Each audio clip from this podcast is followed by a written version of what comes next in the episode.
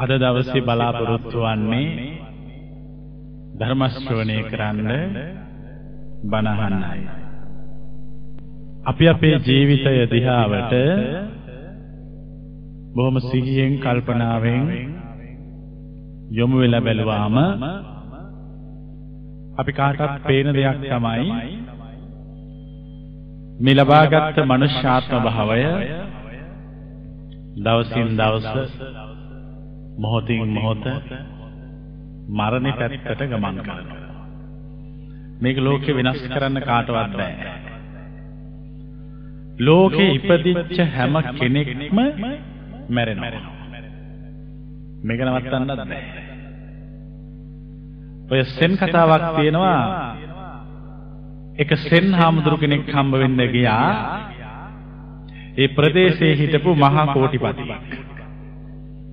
ගියේ නිකනුත් නෙමෙයි මේ රත්තරන් තහඩුවක් අරගෙන.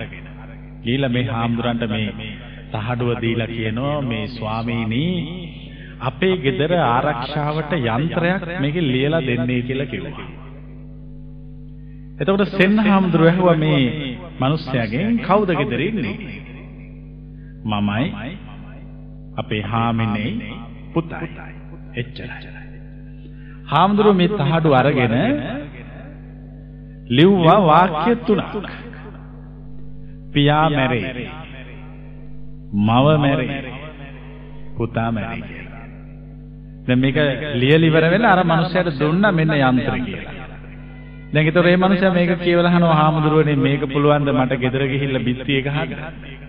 මේක තියෙන්නේ පියා මැරේ, මව මැරේ, පුතා මැරේ කියලා. එතකොට මේ හාමුදුරුව අහනවා හොඳයි මම ප්‍රශ්නයක් අහන්න මට උත්තර දෙනවද? ඔය තුන් දෙනාම කවදක හරි මැරෙනවද නැද්ද? මොකද කියන්නේ? ඒ තුන් දෙනා ගැන හිතන්න ඕනේ නැහැ, තමුන් ගැන හිතන්න.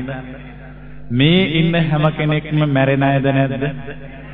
දැන් මැරෙනවා කියලා පිළිගන්න කැමතිද අකමැතිද? අකමැත්තෙන් උනත් පිළිගන්න වෙනවා. ඒක පිළිගන්න වෙනවා. ඒක මේ ලෝකේ පවතින ධර්මතාවය. ඒක මේ ලෝකේ මේ සෝබා දහම තුල පවතින නීතිය. එතකොට මේ මනුස්සයා ටිකක් කල්පනා කරලා කියනවා හාමුදුරුවනේ මම පිළිගන්නවා මැරෙනවා කියලා තුන් දෙනා. දැන් ඒක වැත්තටත් පිළිගන්නවා.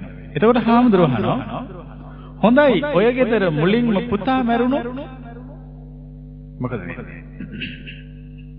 මොකද වෙන්නේ මුලින් පුතා මැරුණා? ගෙදර සම්පූර්ණයෙන්ම අවුල්. ඔය ගෙදර තුන්දෙනාම මැරෙනවා නම් මුලින්ම මැරෙන්න ඕනේ කවුද? කවුද මැරෙන්න ඕනේ? තාත්තා. වයසින් වැඩි කෙනා. ඒක තමයි ඔය ලියලා තියෙන්නේ. හරිනේ බලන්න කොච්චර දුරද ගිහිදලා ලියපු එකක්ද කියලා. ඊළඟට මැරෙන්න ඕනේ කවුද? අම්මා. ඒක තමයි ඊළඟට ලියලා තියෙන්නේ. ඊළඟට මැරෙන්න ඕනේ කවුද? පුතා. ඒක තමයි ඔය යටින්ම ලියලා තියෙන්නේ. ඕක වැරදිලාවත් මාරුනොත් මොකද්ද වෙන්නේ? අන්න එතකොට වේදනාව වැඩි, දුක වැඩි. ඒ නිසා මේ බුදුදහම පිළිගන්නවා ලෝකේ හැම කෙනෙක්ම මැරෙනවා. ඒක පිළිගන්නවා. හැබැයි බුදුදහම කියනවා මරණේ අනුපිළිවෙලක්. මැරෙන එකේ තියෙන ක්‍රමයක්. මොකද්ද මරණේ අනුපිළිවෙල? අර ක්‍රමා ක්‍රමය. ඒකේ අනිත් පැත්තට ගියොත් ඒක අකුසල් විපාකයක්. දැන් අද අපි සාකච්ඡා කරන්නේ කර්මයයි මරණයයි. ওই දෙක කොහොමද සම්බන්ධ වෙන්නේ කියන එක. මේ ලෝකය අරගෙන බැලුවම දැන් අපව හැම කෙනෙක්ම මැරෙනවා. ඒක හරියට උපමාවක් කියනවා. දැන් ලෝකේ හැම සත්වයක්ම ජීවත් වෙන්නේ ආහාරයෙන් සබ්බේ සත්තා ආහාරට්ටිතිකා. ඒ වගේමයි සබ්බේ සත්තා මරිස්සන්ති. හැම සත්වයක්ම මැරෙනවා. ලෝකේ නොමැරෙන කෙනෙක් නැහැ. හැම කෙනෙක්ම මැරෙනවා. හැබැයි අපිට පුළුවන් මේ මරණය ගැන කල්පනා කරලා බලලා හොඳට ජීවත් වෙන්න. එච්චරයි අපිට කරන්න පුළුවන්. හැබැයි මරණය ඉස්සරහදී ඔක්කොම අසරණයි. දැන් ඔය මහා ලොකුවට ධනවත්කම් උගත්කම් කියාගෙන බලවත්කම් පෙන්නගෙන අනුන් හෙලා දකිමින් අනුන්ට තෙලා තලා කතා කරමින් නින්දා කරමින් ඉන්න ඔක්කොම මරණ ඉස්සරහා සරණයි. කර කියාගන්න දෙයක් නැති තත්ත්වයට මරණය ළඟදීපත් වෙනවා. ඉතින් මේක මිනිස්සු තේරුම් නොගන්න එකයි පුදුමයි. මේක තේරුම් ගත්තොත් ජීවිතය දිහා ටිකක් ගැඹුරින් බලන්න පෙළඹෙනවා. මිනිස්සුට මේ මරණය කියන එකේ සංඥාය. මොනවද සංඥා? එකක් තමයි කෙස් පැහෙන එක මරණයේ සංඥාවක්. හැම රැලි වැටෙන එක මරණයේ සංඥාවක්. ලෙඩ වෙන එක මරණයේ සංඥාවක්. දැන් මේ මරණයේ සංඥා ඇවිල්ලා මැරෙනකොට ඒක හිත හදාගන්න පුළුවන්. නමුත් පුදුමේ තියෙන්නේ හිටි ගමන් මැරෙනවා. ඇයි මෙහෙම වෙන්නේ? මේකටත් බුදුදහම උත්තර දෙනවා. මේක අපිට පැහැදිලි කරන්න බෑ කර්මය නැතුව. කර්මය කියන සංකල්පය කර්මය කියන સિદ્ધාන්තය මරණයත් එක්ක සම්බන්ධ කරලා බැලුවම ජීවිතය අපිට ලස්සනට පේන්න පටන් ගන්නවා. මෙතෙක් කාලයක් තිස්සේ අපි එක්තරා විදියක මායාවකට මිත්‍යාවකට අහු වෙලා අපි ජීවත් වුණා. සමහරවිට අපි මරණය කිව්වහම බොහොම මේ අකමැත්තෙන් ඒ වචන කිව්වේ. දැන් අපිට තේරෙනවා ඒක තමයි මේ ලෝකේ තියෙන හරිම වචනය. අනිත් ඔය කියන කතන්දර ඔක්කොම මොකක් වෙන්න පුළුවන්ද? බොරුවක්, මිත්‍යාවක්, වංචාවක්. හැබැයි ලෝකේ තියෙනවා කවදාකවත් බොරු නොවන වචනයක්. ඒක තමයි මරණය. ඉතින් අපි හැමදාම සංසාරේ මැරෙනවා උපදිනවා මැරෙනවා උපදිනවා ඒ කියන්නේ රංගු සංයුත්ත නිකායේ අනමතග්ග සංයුත්තයේ තිනකට්ට වර්ගයේ තිනකට්ට සූත්‍රය බුදුරජාණන් වහන්සේ මේ සසර පිළිබඳව හරි අපූර්ව විග්‍රහයක් කරන්නේ. උන්වහන්සේ උපමාවක් කියනවා. මහණෙනි ඔබලගෙන් කෙනෙක් මේ මුළු දඹදිව තලයේම තියෙන තනකොළ එක තැනකට ගොඩ ගහනවා. දැන් හිතන්න ඔයත්තන්ගෙන් කෙනෙක් මේ කොළඹ දිස්ත්‍රික්කයේ තියෙන තනකොළ එක තැනකට ගොඩ ගහනවා කියලා දඹදිව තලය ගැන එච්චර දුර හිතන්න යන්න ඕනේ ගොඩ ගහලා මේ සියලු තනකොළ අඟල් දෙකේ තුනේ කෑලි වලට කපනවා. කපලා දැන් විශාල මුළු දඹදිව තලයේම තනකොළ එක තැනකට ගොඩ ගැහුවොත් මොන තරම් තනකොළ ගොඩක් ඇද්ද? දැන් මේ ඕනම මිනිස්සෙක් මෙතන. ඒ තනකොළ ගොඩ ළඟට යනවා. ගීලයකින් කෑල්ලක් අතට ගන්නවා. මේ මගේ අම්මා කියලා කෑල්ල පැත්තකින් තියනවා. ආයෙ කෑල්ලක් අරගෙන මේ මගේ තාත්තා. ආයෙ කෑල්ලක් අරගෙන මේ මගේ මීට කලින් භවයේ අම්මා. මේ මීට කලින් භවයේ තාත්තා. දැන් කොහොම තනකොළ තියාගෙන තියාගෙන යනකොට මොකද්ද වෙන්නේ? මොනවද ඉවර වෙන්නේ? හා? දේශනාවේ තියෙනවා මහණෙනි තන ඉවර වෙලා යනවා එහෙත් ඔබලාට අම්මලා තාත්තලා සංසාරේ තවම ඉන්නවා දැන් කල්පනා කරලා බලන්න කොච්චර උපදින්නේ නැද්ද කියලා කොච්චර ඉපදි ඉපදි මේකේ ගමන් කරන්නේ හැම මොහොතකම මැරෙනවා. මැරි මැරි උපදිනවා. ඒක තමයි ජීවිතය කියලා කියන්නේ. මේ සංසාරේ ඉවරයක් නැහැ. දැන් ඔයත් මේ භවයේ වයසට ගියා. දැන් වයසට ගිහිල්ලා ඉවර වෙන්නේ නැහැ. ආ ඊළඟ ආත්මෙත් වයසට යන ලෑස්ති වෙන්න දැන් ඈ? කොතන හිටියත් වයසට යනවා. තිරිසන් අපායට යත් වයසට යනවා. වයසට ගිහිල්ලා මැරෙනවා. ඒක ලෙඩ වෙලා මැරෙනවා. ඉතින් මේ මරණය කියලා කියන්නේ ජීවිතයත් එක්ක බැඳිච්ච අපිට බොහොම සුරු පුරුදු වචනයක් ඒක තමයි බුදුදහම කියන්නේ දැන් උගක් අය හිතාගෙන මේ මැරෙනවා කියන එක සදාකාලික වෙන්වීමක් කියලා. එහෙම නේද හිතාගෙන? නෑ. බුදුදහම යොගන්වනවා මරණය යනු తాවකාලික සමුගැනීමක්. දැන් මේ මැරිලා සමුගන්න අය මොකද වෙන්නේ ආයෙ? ඈ? ආයෙ උපදිනවා. හොඳට මතක තියාගන්න මේක දැන් මේ පහුගිය කාලේ පරිේශනත් උගක් මේ ගැන කළා. ඒකෙන් ඔප්පු කළා එක එක කණ්ඩායම්ම නැවත ගිහිල්ලා එහෙම උපදිනවා කියලා. මේක බුදුදහමේ තියෙනවා. දැන් ඔයත්ෝ දන්නවනේ මහබෝසතාණන් වහන්සේ කෙනෙක් ලෝකේ පහළ වෙනකොට ඒ මහබෝසතාණන් වහන්සේ පහළ වෙන්න කලින් කණ්ඩායමක් ඇවිල්ලා පහළ වෙලා ඉන්නේ. ඊළඟට ආයේ මහබෝසතාණන් වහන්සේ කෙනෙක් ලෝකේ උපදිනකොට ඒ ක්ෂණේම උපදින අයත් ඉන්නවා. ඒ වෙලාවෙම 32ක් පෙර නිමිති පහළ වෙනවා කියන අපි අහලා තියෙනවා. මොකද්ද කීපයක් කියන්න බලන්න? ඈ දෙතිස් පෙර නිමිති පහළ මොනවද තිස් පෙරණි? එකක් තමයි යසෝදරා දේවිය. මහබෝසතාණන් වහන්සේ පහළ වෙන වෙලාවෙම යසෝදරා දේවිය මනුස්ස ලෝකේ පහළ වෙනවා. චන්න ඇමතිය. සිරිමහ බෝධිය. වජ්‍රාසනය. මේවත් පහළ වෙනවා. හැබැයි ඒව පහළ වෙන කලිනුත් කණ්ඩායමක් ඇවිල්ලා පහළ වෙන්නේ. නිසා මේක මේ සංසාරය කියලා කියන්නේ එක්තරා විදිහක කණ්ඩායමක්. ජීවත් වෙනවා පින්පව් රැස් කරගන්නවා මැරෙනවා. ආයෙ ගිහිල්ලා ඒ කණ්ඩායම තව දැනක උපදිනවා. හොඳට හොයලා බලන්න මේක පෞගේ කාලේ එක්තරා විදිහක පරිේශන ගණනාවකිනුත් ඔප්පු කර සිද්ධියක්. ඉතින් ඔහොම මැරෙනවා. හැබැයි ඉතින් කොහොම හරි මැරෙනවා. කවදක හරි මැරෙනවා. මොන තරමේ උත්තර වැටි උපක්‍රම යෙදුවත් මේක නවත්තන්න බෑ ඒකයි මේ ලෝකේ තියෙන පුදුමය. බලන්න. මිනිහෙක් මරණයෙන් ගැලවෙන්න කියලා හිතාගෙන අහසේ උඩ ගිහිල්ලා හැංගිලා. මුහුද මැදක ගිහිල්ලා හැංගෙනවා. විශාල ගල් ගුහාවක ගිහිල්ලා හැංගෙනවා. රට අත්හැරලා යනවා. කිසිම විදියකින් මරණයෙන් ගැලවෙන්න බෑ. හැම කෙනෙකුටම තියෙනවා මැරෙන තැනක්. මැරෙන වෙලාව. අංගුත්තර නිකායේ පංචක නිපාතේ තියෙනවා මෙන්න මේ කරුණු පහ කිසි කෙනෙකුට නිශ්චිතව නිවැරදිව නිගමනය පළවෙනි එක තමයි මැරෙන වෙලාව. කිසිම සාත්‍රයකට හරියට කියන්න බෑ. මැරෙන තැන කිසිම සාත්‍රයකට කියන්න බෑ. අවසාන සිත කිසිම සාත්‍රයකට කියන්න බෑ. අවසාන ලෙඩ.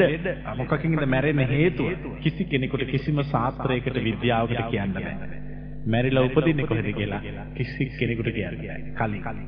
වෙලා ඉවරුනම කියන්න පුළුවන්. හැබැයි කලින් කියන්න බෑ. ඔය කරුණු පහ බුදුදහමේ කියනවා.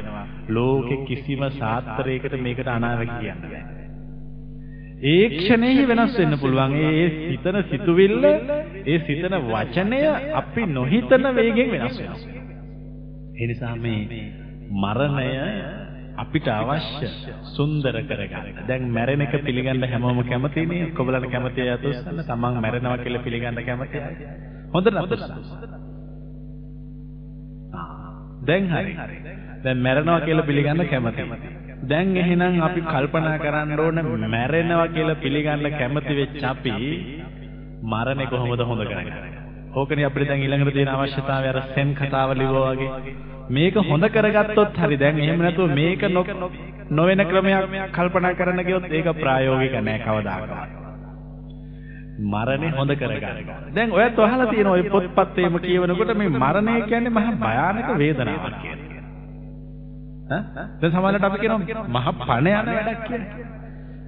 ඈ මොකද්ද ඔය පණ යන වැඩක් කියන කියලා.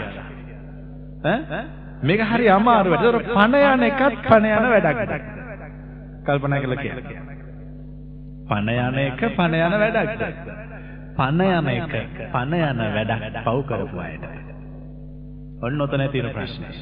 නැත්තම් මරණය හරි සුන්දර ඉමිහිරි අත්දැකීමක්. ජීවිතේ ලැබෙන ඒක ඔයත් ලබලා නැහැ.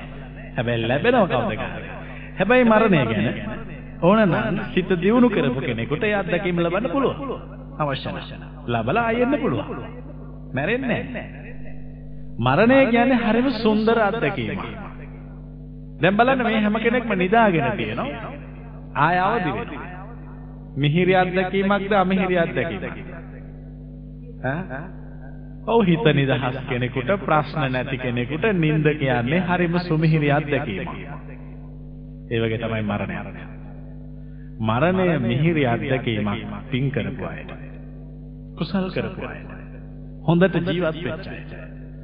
යම් කෙනෙක් මේ මනුෂ්‍යාත්ම භාවය ලබාගෙන පස්පව් කළා තිබුණොත් දස අකුසල් කළා තිබුණොත් වැරදි කළා තිබුණොත් අධාර්මිකව ජීවත් වෙලා තිබුණොත් මරණය අති භයංකාර අත්දැකීමක්. ඇයි? කවුද එන්නේ ගෙනියන්නේ? ඈ? මාරයා නෙමෙයි යම රජුරුව එනවා. ඔය හරි පරිස්සමෙන් යමයාගේ. අපේ ඔය සූත්‍රයක් තියෙනවා මජ්ක්‍ධිම නිකායේ දේවදූත සූත්‍රය කියලා. ඔය දේවදූත සූත්‍රයේත් බොහොම අපූර්වට විස්තර කරලා තියෙනවා යම රජු වෙන විදිය. යම රජුට ඉන්නවලු දූතයෝ දෙන්නෙක්. අපි ඒගොල්ලන්ට කියනවා යම පල්ලු. ඔය Hindu පොත්පත්වල විස්තර කරලා තියෙනවා එක යම පල්ලෙකුට ඇස් හතරක් තියෙනවා. මේගොල්ලෝ බල්ලු දෙන්නෙක්. ඉතින් ඒගොල්ලෝ එනවලු මේ මනුස්ස ලෝකෙට යම රජු නියෝග නිකුත් කළා. ඇවිල්ලා යම රජු කියනවලු අහවල් අහවල් අය මේ දැන් අවශ්‍යයි ගිහිල්ලා අරන් එන්න කියලා. එතකොට මේ දෙන්න ඇවිල්ලා එක් කරගෙන එන්නේ මේ දෙන්න තමයි. මේගොල්ලන්ට තමයි පැවරලා තියෙන කාර්යය යම රජු ඉස්සරහට එක් කරගෙන යන්නේ. මේ පහුගිය දවසක මට මුණ ගැහුණා. මෙහෙත් යන එන හුඟක් වයසට ගියපු හුඟක් ධනවත් මහත්මයෙක්. මාත් එක්ක කතා කරා. හුඟක් ලෙඩ වෙලා හිටියේ. කතා කරලා කියනවා හාමුදුරුවනේ දවස් 3ක්ම යුද්ධයක් කරා කියලා. මම එහෙම මොකද්ද යුද්ධේ? දෙන්නෙක් එනවා එක්ක යන්න මාගේ මගේ අත් දෙකෙන් ඇදලා මම ගෙනියන්නමයි හැදුවේ. මම කව මට තව පින් කරන්න ඕනේ මට ඉන්න දෙන්න කියලා. දවස් 3ක්ම ඕක කිව්වා කිව්වා කිව්වා ඊට පස්සේ ඒ දෙන්න යන්න ගියා. කවුද මේ ඇවිල්ලා තියෙන්නේ? මේ යම රජුරන්ගේ නියෝජිතයෝ. හැබැයි ඒගොල්ලෝ පුංචි සමාවක් දෙන ඔය පින් කරන්න කියලා කිව්වා. මොකද යම රජුරෝ හරි කැමති මිනිස්සු පින් කරනවට. යම රජුරෝගේ නරක කෙනෙක් නෙමෙයි බොහෝම හොඳ කරුණාවන්ත කෙනෙක්. හැබැයි වැරදි කළොත් යම රජුගෙන් දඬුවම්. ඒකත් යම රජුගේ ලක්ෂණය. ඔයට තවත් සිද්ධියක් මම ඔයත්තට කියන්නම් මේක 1960 ගණන් වල ත්‍රිකුණාමලයේ වෙච්ච සිද්ධියක්. මුස්ලිම් මිනිස්සෙක් හදිස්සියේ මිය ගිහිල්ලා තියෙනවා. මේ මිනිස්සයා මිය ගියාම ඉතින් ඒගොල්ලන්ගේ තිරිතක් තියෙනවනේ ඉක්මනින් වල දානවානේ. මේ මිනිස්සයා වල දාන ගෙනිනකොට හදිස්සියෙම නැගිටලා ගියා. ඒතොර එතන හිටපු ඔක්කොම මිනිස්සු ටික දුවලා. ඉතින් එතන හිටපු කීප දෙනෙක් අහලා තියෙනවා මොකද්ද උනේ? එතකොට කිව්වලු දෙන්නෙක් ආවා. හත් දෙකෙන් අල්ලගත්තා. මම බටයක් දිගේ මෙක් කරගෙන ගියා. මම දැක්ක බටේ ඈත කොනක විශාල හැඩි දැඩි පුරුෂයෙක් මහා පුටුවක වාඩි වෙලා මන් දිහා බැලුවා. බලලා අර දෙන්නට කිව්වා ඔයයි නෙමෙයි කියපු එක්කෙනා අරන් එන්න කියලා. මට මේ ඇහැරුණා. ඔය යම පල්ලට හිටි ගමන් වරදින්. ඔය වැරදිද? ඕකත් සත්‍ය සිද්ධියක්.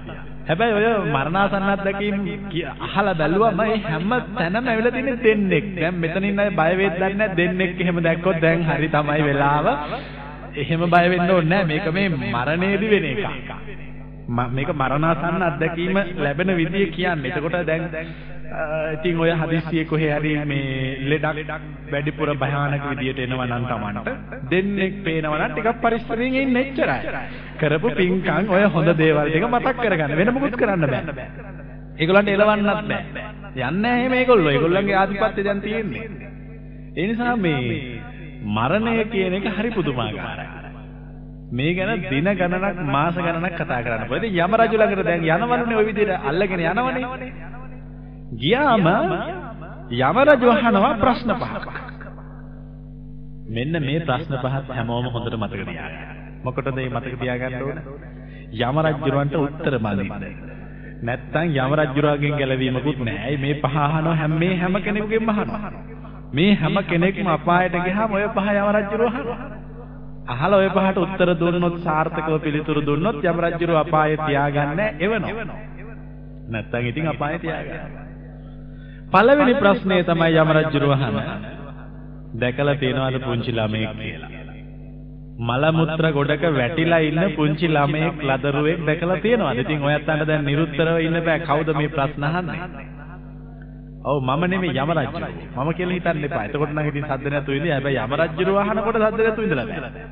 අනිවාර්යෙන් උත්තර දෙන්න ඕනේ ප්‍රශ්න. දැකලා තියෙනවද? දැන් නෑ කියන්න බෑනේ පුංචි ළමයෙක් නොදකපු කෙනෙක් මං හිතන්නේ නෑ මනුස්ස ලෝකෙන් ඒ ලෝකෙට යනවයි කියලා කවුරුවත්. එතකොට යම් රජුන අහනවා පුංචි ළමයෙක් දැක්කම තමුන්ට කල්පනා වුණේ නැද්ද? මාත් ඔය වගේ වෙලා හිටියා මං දැන් මේ වෙනස් වෙලා. මං මැරෙයි දැන් ආයි. ආයි ඔය වගේ වෙයි. ඊට කලින් මං පින් කරගන්න ඕන. කල්පනා වුණාද? ඈ? ආන්න දැන් යම් රජුන අහන දෙවෙනි ප්‍රශ්නේ. ඔක තමයි පළවෙනි ප්‍රශ්නේ. වයසට ගියපු අවුරුදු 80ක් විතර වෙච්ච කෙස් පැහිච්ච හැමරැලි වැටිච්ච හැරමිටි වාරුවෙන් යන කෙනෙක් දැකලා නැද්ද?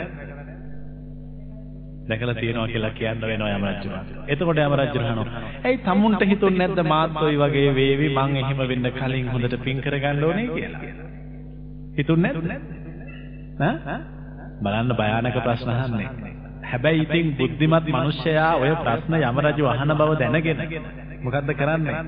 කලින් පින් කරලා දෙනවා. දැන් මොකක්කටද මේ යම රජුරෝ ලෑස්ති වෙන්නේ? දැන් බලන්න මේ යමරජුරු හොඳ කෙනෙක් කියලා කිව්වේ මම ඒකයි. යමරජුරු හදන්නේ කරපු පිනක් මතක් කරවන්න. යම් විදියකින් අපායගාමී වෙච්ච සත්වයකට කරපු පිනක් මතක් වුණොත් ඒ අපායගාමී වෙච්ච සත්වයා අපායෙන් නිදහස් තුන්වෙනි ප්‍රශ්නේ තමයි අහන. දැකලා නැද්ද මරණාසන්න ලෙඩෙක්? දැකලා තියෙනවද? හැම කෙනෙක්ම දැකලා තියෙනවා. එතකොටවත් හිතුන්නේ නැද්ද මාත් මේ වගේ වේවි මම මේ වගේ වෙන්න කලින් පින් කරගන්න ඕනේ කියලා?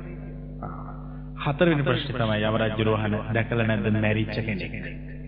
මැරිච්ච කෙනෙක් දැක්කහමවත් අමුට කල්පනා වුණේ නැද්ද අනේ මෙයා මැරිලා ඊළඟට මම මැරේවි. මම මැරෙන්න කලින් මම පින් කරගන්න ඕනේ කියලා එතකොටවත් හිතුන්නේ නැහැ. පස්වෙනි එක තමයි යමරජ වහන දැකලා නැද්ද රජේ නඩුවම් විදින කෙනෙක්. එතකොටවත් හිතුන්නේ නැද්ද වැරදි කරන එක හොඳ නෑ දඬුවමට දඬුවම නිසාවත් වැරද්දෙන් අයින් වෙන්න ඕනේ කියලා එතකොටවත් හිතුන්නේ නෑ. එතකොටවත් පින් කළේ නෑ. මෙහෙම අහලා අහලා අහලා මේ හැම ප්‍රශ්නයකටම කිව්වොත් නෑ යම රජතුමනි නෑ නෑ බැරි වුණා අමතක වුණා. වෙලාවක් තිබුණේ රස්සාවට ගියා. දූ දරුවන්ගේ වැඩ කළා. ගෙදර අස්පරස් කළා. නිවාඩු දවස් දෙකයි ඒ ලෝකෙ තියෙන්නේ. ඒ දවස් දෙකේ ගෙදර වැඩ කරාම වැඩ වෙලාව ඉවරයි. ඊට පස්සේ කියනවා මාසෙම රස්සාවට ගියා පඩිත් හම්බ වුණා එළෝලු ගෙනෑවා බත් පිව්වා දරුවෝ නෑවුවා පිනක් කරගන්න කීයක්වත් ඉතුරුනෙත් නෑ පින් කරන්න ඕමනාවක් උනේත් නෑ. බොරු කියන්නත් බෑනේ දැන් ඇත්තම කියන්න ඕන. මොනවද කළේ? වැඩට ගියා කාර්යාලයේදී බොරු කිව්වා. ඔය ඔක්කොම මෙතනදී දිගාරින්න. මොකද යම රජුරන්ට ඉන්නවලු හොඳ ලේකම් කෙනෙක්. මේක දින අට කතාව හැම පෝයක් දවසකම ඔය ලේකම් වෙනවලු මනුස්ස ලෝකෙට ලොකු පොතක් අරගෙන.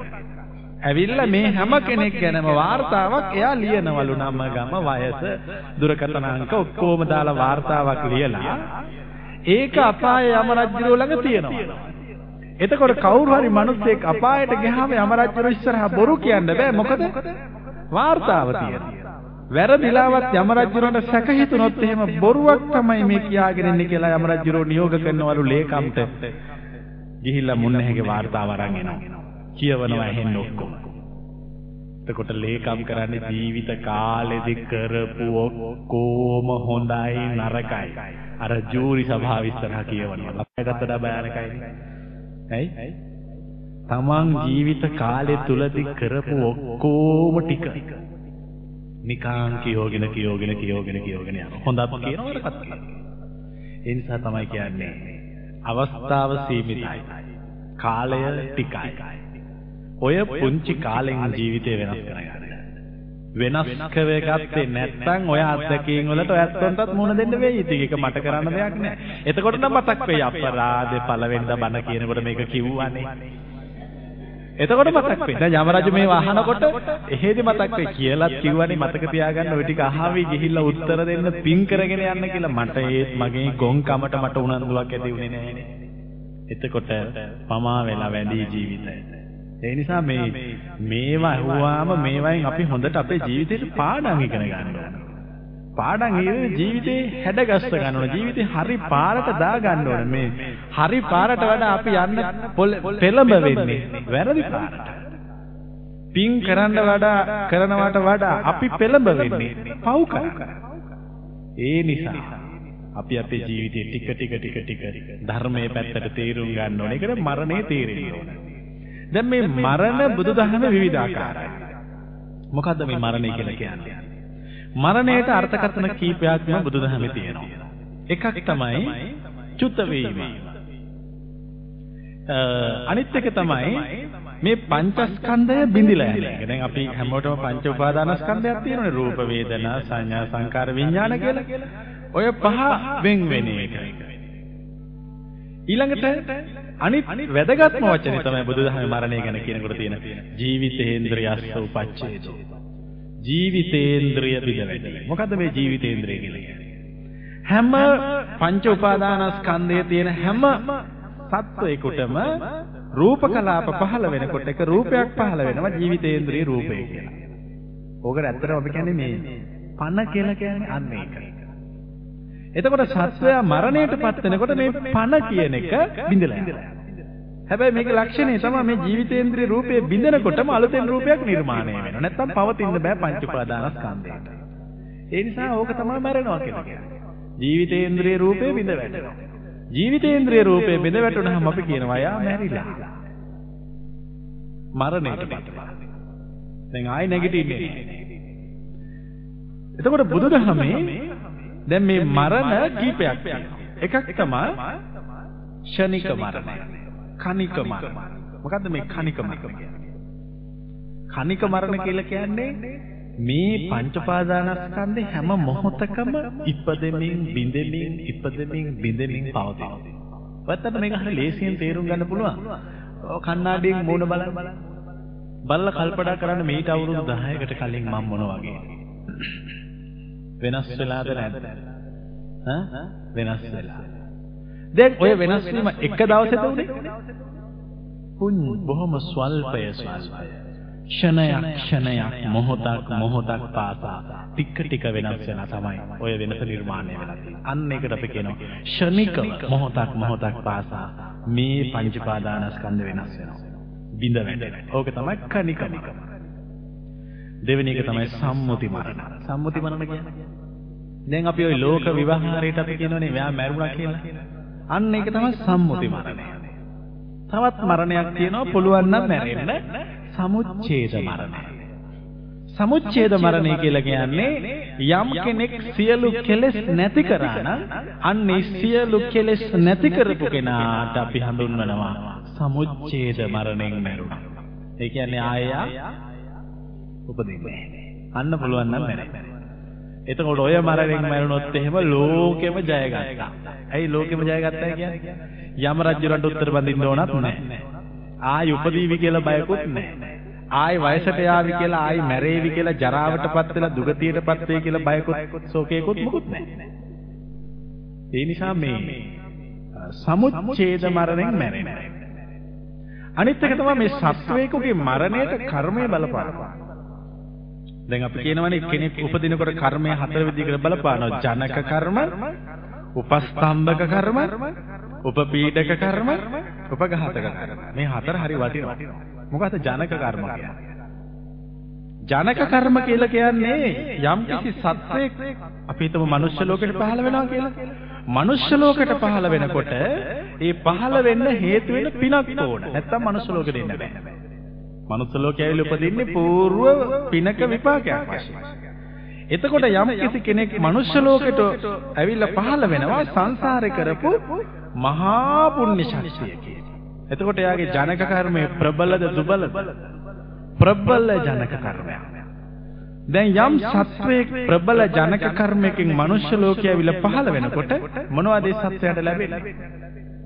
ඒ ක්ෂණයෙම ලැබෙනවා තියෙනවා හොඳ දෙමව්පියෝ. හොඳ රූප ශෝභාව හොඳ ඥානය හොඳ නේද?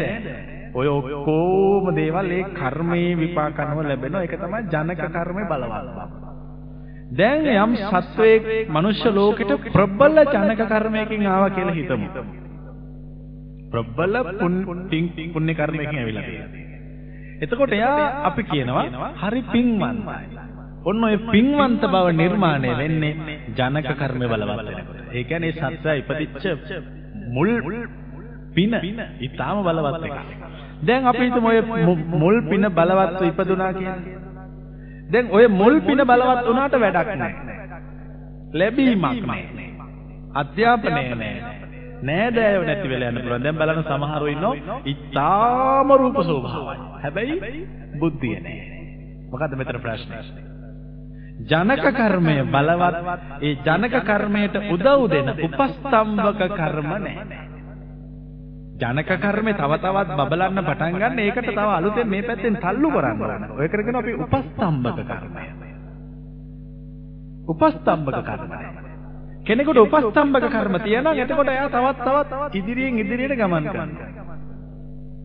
ජනක කර්මේ බලවත් වෙලා තියෙනවා. උපපීඩක කර්මය. ඔන්න අපි හිතමු ජනක කර්ම යම් තරමකට බලවත් කියලා. දැන් අර මේ අපි කරපු පව් මතු වෙනවා මතු වෙන ජනක කර්මයට මෙහෙම රිද්දවනවා. එතකොට මේ සත්‍යයට මොකද්ද වෙන්නේ? දුක, ලෙඩ, භයානක රෝග, වේදනා, පශ්චාත්තාප, බිඳ වැටි. ඒ සියල්ල කරවන්නේ කවුද? උපපීඩක කර්මය. ඔන්න ඔය උපපීඩක කර්මය නම් හැබැයි හැමෝටම ඕක නැති කෙනෙක් ඉන්නවද? ඕක නැති කෙනෙක් මේ ලෝකේ නැහැ. උපපීඩක කර්මය ඒක එක්කෙන කරපු විදිය අනුව එනවා. දැන් අපි හිතමු මෙහිම දැන් උපපීඩක කර්මෙන් නවතින්නේ නැහැ සමහර වෙලාවට. ජනක කර්මයේ බලවත්කම තුන නම් මෙන්න අකුසල කර්මයක් මතුවෙනවා හතරක බලවත්කමකින් තියෙන. දැන් මොකද්ද වෙන්නේ? උපඝාතක කර්මය. සත්‍යය මරණයට පත් වෙනවා. ඇයි? ජනක කර්මේ ප්‍රබල මදි. අර මතුවෙච්ච ප්‍රබල අකුසල කර්මය සත්‍යයට ජීවත් වෙන්න දෙන්නේ නැහැ මරණයට පත් වෙනවා. ඉතින් මම මේක මේ සාකච්ඡා කරේ මිනිස්සෙකුට ගැලපෙන්න. දැන් මේක තිරිසන් සත්ත්වයකට ගැලපෙන සාකච්ඡා කළොත් මේක වෙනස් විදිහකට වෙන්නේ. තේරුණානේ? මොකද තිරිසන් සත්වයෙකුගේ ජනක කර්මය කුසලයක්ද අකුසලයක්ද? අකුසලයක්. එතකොට මේ අකුසල කර්මේ නඩත්තු කරන්න යම් කුසල කර්ම තියෙන්න ඕනේ. දැන් බලන්නකෝ අකුසල කර්මකින් බල්ලෙක් වුණාට සමහර බල්ලෝ මිනිස්සු වගේ ජීවත් වෙනවා. ඇයි ඒ? උප උපස්තම්භක කර්මය. උපස්තම්භක කර්මයක් බලපාලා තියෙනවා. හැබැයි ඊට පස්සේ ටික දවසක් යනකොට ඔන්න මේ බල්ලා එමෙ හිටියන ලෙඩ වෙන්න පටන් ගන්නවා ලෙඩ වෙලා මැරෙනවා. මැරෙන්නේ නැහැ. හොඳටම අසාධ්‍ය වෙනවා. ඒ මොන කර්මයේද? උපපීඩක කර්මය. උපපීඩක කර්මය කුසල දකුසල. ඈ? බල්ලෙකුට නම් අකුසල. බල්ලා හදිස්සියේ මැරෙනවා. මොන කර්මයේද? උප උපඝාතක කර්මය. කුසල දකුසල. ඕක නිගමනය කරන්න බෑ. එතකොට අපි අහන්න ඕන ඒ බල්ලා මැරිලා අපායටද ගියේ සුගතියකටද ගියේ කියලා. ඒ බල්ලා සුගතියකට ගියා නම් උපඝාතක කර්මය සුගතිය. දැන් ඔක මිනිස්සෙකුට වෙන්න බැරිද? ඈ? මිනිස්සෙකුට සමහර වෙලාවට වෙන්න පුළුවන්. දැන් අපි හිතමු ඊටාම ජරා ජීර්ණ වෙලා ලෙඩ වෙලා අසාධ්‍ය වෙලා ඉන්න අය අපි දැකලා තියෙනවා. ඒතකොට අපි කියනවා අනේ මේ මනුස්සයා ජීවත් වෙනවට වැඩිය හොඳයි මෙහෙම මැරෙන එක. ඒ අත් එක තරහට කියන එක නෙමෙයි. ඒක හොඳයි එහෙම. එතකොට එයා හදිස්සියෙන් මැරෙනවා. ඇයි? සමහර වෙලාවට එයාගේ ප්‍රබල කුසල කර්මයක් මතු වුණා. දැන් එයා මනුස්ස ලෝකෙට ගැලපෙන්නේ නැහැ. එයා සුදුසු දේව ලෝකෙට නැත්තම් නැවත හොඳ මනුස්ස ශරීරයක් ලබන්න ඕන. අන්න එතකොට ඒක කුසල කර්මයක් වෙන්න පුළුවන්. ඉතින් ඒ කියන්නේ මේක මේ දෙපැත්තක් තියෙනවා හරි පරිස්සමෙන් බලන්න ඕන. කොහොම හරි මරණ එක කර්මයේ සම්බන්ධයි. දැන් අපි හිතමු මෙහෙම තවත් තියෙනවා මැරෙන හතර විදියක්. මේක හරියට උපමාවකින් අපේ ධර්මයේ දක්වනවා පහනක් පත්තු කළාම පහන නිවෙන්න පුළුවන් හතර විදියක් තියෙනවා. සමහර වෙලාවට tire ඉවර වෙලා පහන නිවෙනවා. තෙල් ඉවර වෙලා නිවෙනවා. දෙකම ඉවර වෙලා නිවෙනවා. දෙකම තියෙද්දි හුලඟටත් නිවෙනවා. සමහර මිනිස්සු මේ ලෝකෙට මනුෂ්‍ය ස්වභාවය ලැබලා ඉපදුනාම ආයුෂ ඉවර වෙලා මරණයටපත් වෙනවා. හැබැයි ජීවත් වෙන්න පින් තියෙනවා. ආයුෂ ඉවරයි. මොකද ආයුෂ වෙනුවෙන් කරපු කර්මය ගෙවිලා. ආයුෂවර වෙලා මැරෙනවා. ආයුක්ඛය මරණය. ඒක බුදුදහම ගන්වනවා. ආයුෂ ගෙවිලා සිදුවෙන මරණය. වෙන්න පුළුවන්. දෙවෙනි එක තමයි කම්මක්ඛය මරණය. ජීවත් වෙන ආයුෂ තිබුණා. නමුත් හදිස්සියෙන් ලෙඩක් ඇවිල්ලා අසාධ්‍ය වෙලා මරණයටපත් වුණා. කම්මක්ඛය මරණය. කර්මය ඉවර වෙලා මරණයටපත් වෙනවා. තුන්වෙනි එක තමයි උභයක්ඛය මරණය. උභයක්ඛය කියන්නේ ආයුෂත් ඉවරයි කර්මයක් ඉවරයි. හරියට අර පහන තිරේ තෙලුයි දෙකම ඉවරලා නිමුණා වගේ. මේ වගේ මැරෙන්නේ බොහෝ වෙලාවට මොන වයසේද? වයසට ගිහිලා. යම් කිසි මේක හැබැයි 100%ක් හරි නෑ සමහර විට මෙහෙම වෙන්නත් පුළුවන් දැන් කෙනෙක් ලදරු වයසේ මැරෙන්න ආයුෂ කර්මයයි අරගෙන ආවා. එතකොට එයා ලදරු වයසේ මැරෙන්න ඕන. එතකොට ඒක මොන මරණයද? ආයුක්ඛේද කම්මක්ඛේද උභයක්ඛය. උභයක්ඛය. ඇයි ලදරු වයසේ මැරෙන්න ආයුෂ කර්මය අරන් ඇවිල්ලා තියෙන්නේ. ඒ නිසා උභයක්ඛය. කෙනෙක් අරගෙන ඇවිල්ලා තියෙනවා කර්මානුරූපව වයසට ගිහිල්ලා මරණයටපත් වෙනවා. එතකොට ඒක උභයක්ඛය. හුඟක් වයසටම ගිහිල්ලා මැරෙන අය මැරෙන්නේ උභයක්ඛය මරණය. කර්මෙත් ඉවරයි ආයුෂත් ඉවරයි. ඒකත් පිනක්. ඒකත් පිනක් ඒක පවක් මේකත් එක්තර එහෙම වෙන්නේ පින් කළා තියෙනවා දැන් බලන්නකෝ මේ මේ මනුස්ස ජීවිතේ පිටිපස්සේ ඔක්කොම තියෙන පින්නේ බලාගෙන අපි මෙච්චර දවස් මේව ගැන හිතුවේ නෑ. හැබැයි ඔක්කොම පවතින්නේ පින මත. සියල්ල තීරණය වෙන්නේ අපි කරපු හොඳ නරක මත. හතරවෙනි එක තමයි උපච්ඡේදක මරණය. උපච්ඡේදක මරණය කියන්නේ ඔය දෙකම තියෙන ජීවත් වෙන්න අවශ්‍යත් තියෙනවා. ජීවත් වෙන්න කර්මයක් තියෙනවා. හැබැයි හදිස්සියේ මිය යනවා.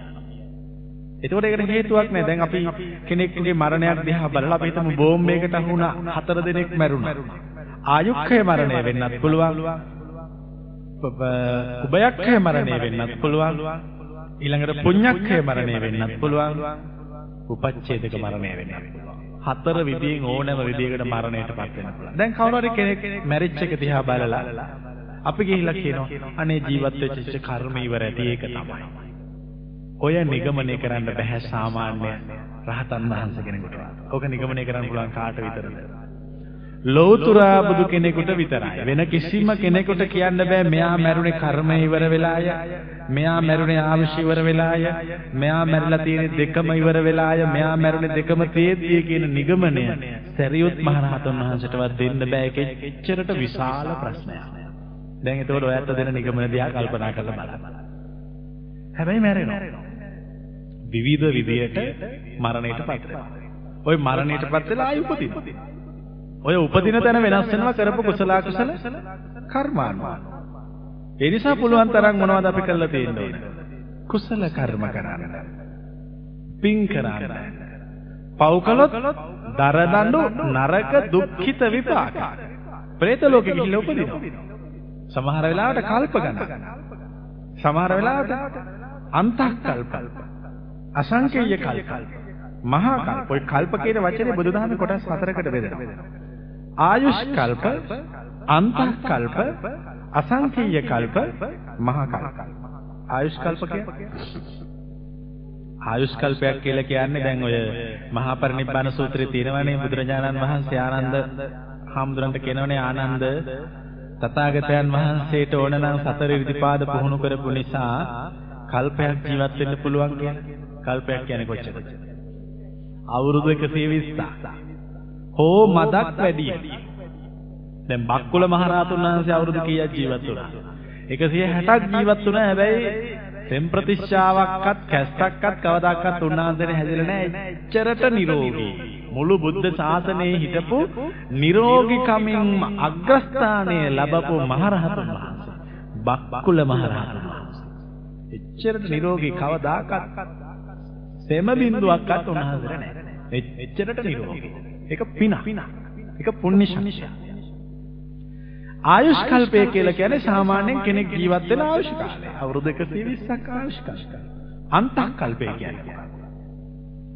අන්තක් කල්පයක් කියන්නේ එක බුදු කෙනෙකුගේ පටන් ඊළඟ බුදුන් බුදු වෙන දවස දක්වා කාලය. දැන් ගෞතම බුදුරජාණන් වහන්සේ බුද්ධත්වයට පත් වෙච්ච දවසේ ඉඳන් මෛත්‍රී බුදුරජාණන් වහන්සේ බුදු වෙනකන් කාලය මොන කල්පයක්ද? අන්තක්කල්ප එකයි ඒක තමයි අවීචි මහ නරකාදී ආවුෂ. ඒ කාලේ තමයි අවීචි මහ නරකාදී ආවුෂ. කැමති නම් ගිහිල්ලා එන්න. එතකොට ඔච්චර හැබැයි ඒ කාලේ ගෙවලා එන්න ඕනේ නැතුව එන්න බෑ. දේවලෝකවලත් ඒ වගේම ආවුෂ තියෙනවා. හැබැයි දේවලෝකවල විශේෂයක් තියෙනවා. පින් ඉවර වෙච්ච ගමන් චුත වෙනවා. ආවුෂ තියෙන එක ඇත්ත. දැන් තුසිත දේවලෝකයේ ආවුෂ කොච්චරද? 64 කෝටි 90 ලක්ෂයක් අවුරුදු. චාතු මහරජික දේවලෝකයේ අවශ්‍ය කීයද? 9 ලක්ෂයක්. ඔය උඩට යන්න යන අවශ්‍ය වැඩි. අපි හිතමු යම් විදියකින් දැන් එතකොට චාතු මහරජික දේවලෝකෙට ගියාම මෙහි අවුරුදු 100ක් එහෙ එක දවසයි. ඔයත් අහලාද මේ ධම්මපදට්ට කතාවේ තියෙනවා දෙවඟනක් පතිපූජිකාව කියලා. මේ දෙවඟන මේ අයිති දේවතාවත් එක්ක මල් නෙලන්න යනවා. විශාල දිව්‍යාංගනාව පිරිසක් පිරිවරාගත්ත දේවතාවෙක්. හුඟක් පින් කරපු කෙනෙක්. ඉතින් මේ දෙවඟන කරන්න ඕන කාර්යය තමයි මල් නෙලලා මල් දාන්න ඕන මේ දේවතාවලට. හිටි ගමන් මේ දේවතාවියට තේරුණා තමුන් චුත වෙන්න හදන බව. ඔය සූත්‍රයක් තියෙනවා කුද්දක නිකායේ පුබ්බ නිමිත සූත්‍රය කියලා. ඒකේ තියෙනවා දේවී දේවතාවියක් චුත වෙන එක ලක්ෂණ පහක් තියෙනවා. ඒ පහෙන් තේරුම් ගන්නවා දැන් චුත වෙන්න වෙලාව හරි කියලා. මල් මැල වෙනවා. වස්ත්‍ර කිලුටු වෙනවා. දහඩිය දවනවා. ශරීරයේ තියෙන ආලෝකය ප්‍රභාව නැති වෙනවා. තමුන්ගේ දිව්‍ය ආසනයේ තියෙන ඇල්ම නැති වෙලා යනවා. ඔය පහ දෙවියෙකුට දේවතාවියෙකුට දැනෙනකොට එයයි දන්නවා දැන් චුත වෙන්න ළඟයි. මේ දේවතාවි චුත වුණා. චුත වෙලා වෙලා මනුෂ්‍ය ලෝකෙ ඉපදුනා. ඒ කාලේ බුදුරජාණන් වහන්සේ ලෝකෙ වැඩ ඉන්න කාලේ වැඩි විය පැමුණුනා. හොඳට ජීවත් වුණා. දරුවෝ හතර දෙනෙක් ලැබුවා. හොඳට පින් කළා. පින් කළා මැරුණා. අවුරුදු 60ක් ඒ ආසන්න කාලයක් ඉඳලා මැරුණා. මැරිලා ගිහිල්ලා අර දේවලෝකේ අතනම ඉපදුණා. එතකොටත් දෙවියෝ මල් නෙලනවා. බලන්න පුදුම මල් කැඩිල්ලක් නේ කඩන වැඩ මනුස්ස ලෝකෙ මෙච්චර වැඩ ගොඩක් කරලා එලකනොත් මල් කඩමින් ඉන්න. ඒක කියන්නේ මේ කාලේ දිගයි ඒගොල්ලන්ගේ අපිට වඩා. මේක බොරුවක් නෙමෙයි. දැන් ඔයත් බලන්න ඔය අභ්‍යවකාශයේ ඉඳලා આવත් කවුරු හරි අවුරුද්දක් දෙකක් විතර අපිට අවුරුදු 50ක් ඉඳලා ආවකල එයා වයසට යන්නේ නැහැ. හොඳ ක්‍රමයක් මුගක් කල් ජීවත් වෙන. අභ්‍යවකාශ ඉඳලා එන්න ඕනේ. ඒ කියන්නේ දේවලෝක වලට යන්න යන්න වයස යන්නේ. මැරෙන්නේ. ඒක ඇත්තක්. ඒක බොරුවක් නෙවෙයි. ඒ නිසා අර එතකොට එක දේවතාවියෙක් අහනවා මේ දෙවඟනගෙන් කොහෙද හිටියේ මේ වෙලාවේ?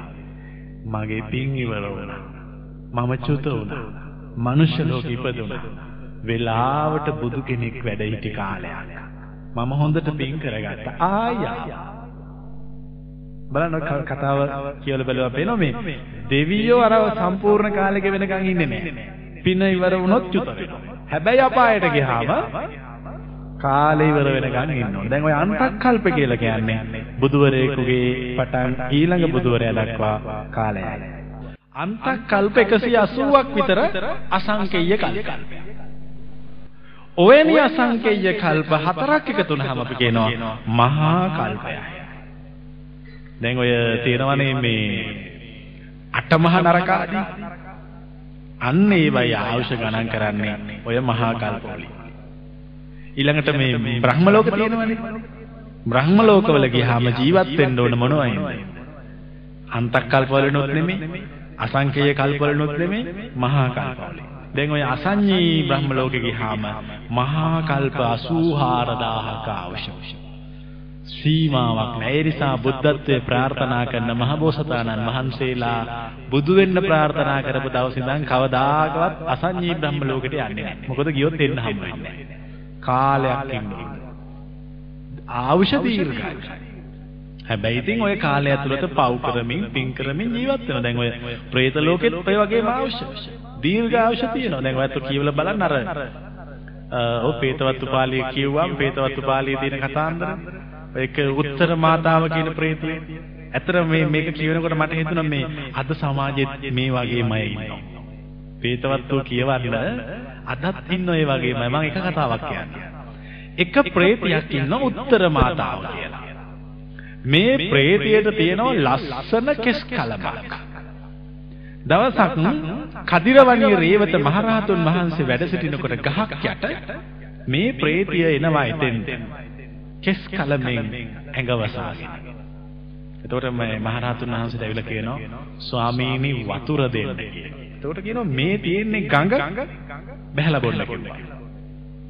බැස්ස ගමන් ස්වාමීනි වතුර ලේ බවට පත් වෙනවා. අදට අවුරුදු 50යි මේ ලෝකෙට ඇවිල්ලා තාම වතුර බිව්වේ නැහැ.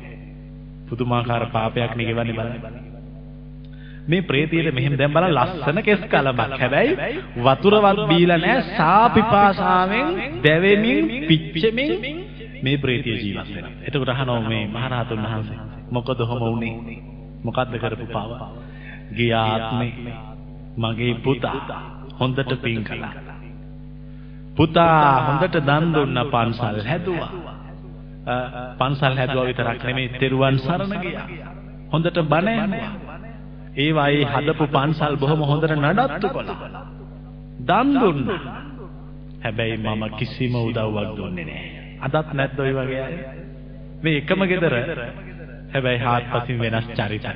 ඒ විතරක් නෙමෙයි මම කියනවා. එක දවසක් අපේ පුතා පන්සලක් හදලා විවෘත කරනකොට දානයක් දුන්නා. මම හොඳටම බැන්න මේ මෝඩ වැඩ කරනවයි කියලා. ඒම බැනලා මොනර පිල් කලබක් මම දුන්න මෙන්න මේකත් ගිහිල්ලා පූජා කරපන් කියලා. ඒ නිසා තමයි මට මේ ලස්සන කේස කලාපයක්. එච්චරමයි පිනකට කරගන්නේ. ඒ විතරක් නෙමෙයි. දවසක් පුතා ආරාමයක් හදලා පූජා කරන පින්කමට යනකොට මම පුතාට කිව්වා උඹ කරන ඔක්කොම පින් උඹට පරලෝදී ලේම වේවා ඒක මටම වුණා. ස්වාමීනි වතුර බොන්න යන හැම තැනකම මට දකින්න තියෙන්නේ ලේ විතරයි. මේක මහා පුදුමාකාර ප්‍රේතයක්. දැන් මේ ප්‍රේතය හැම තැනම ඉන්නවා.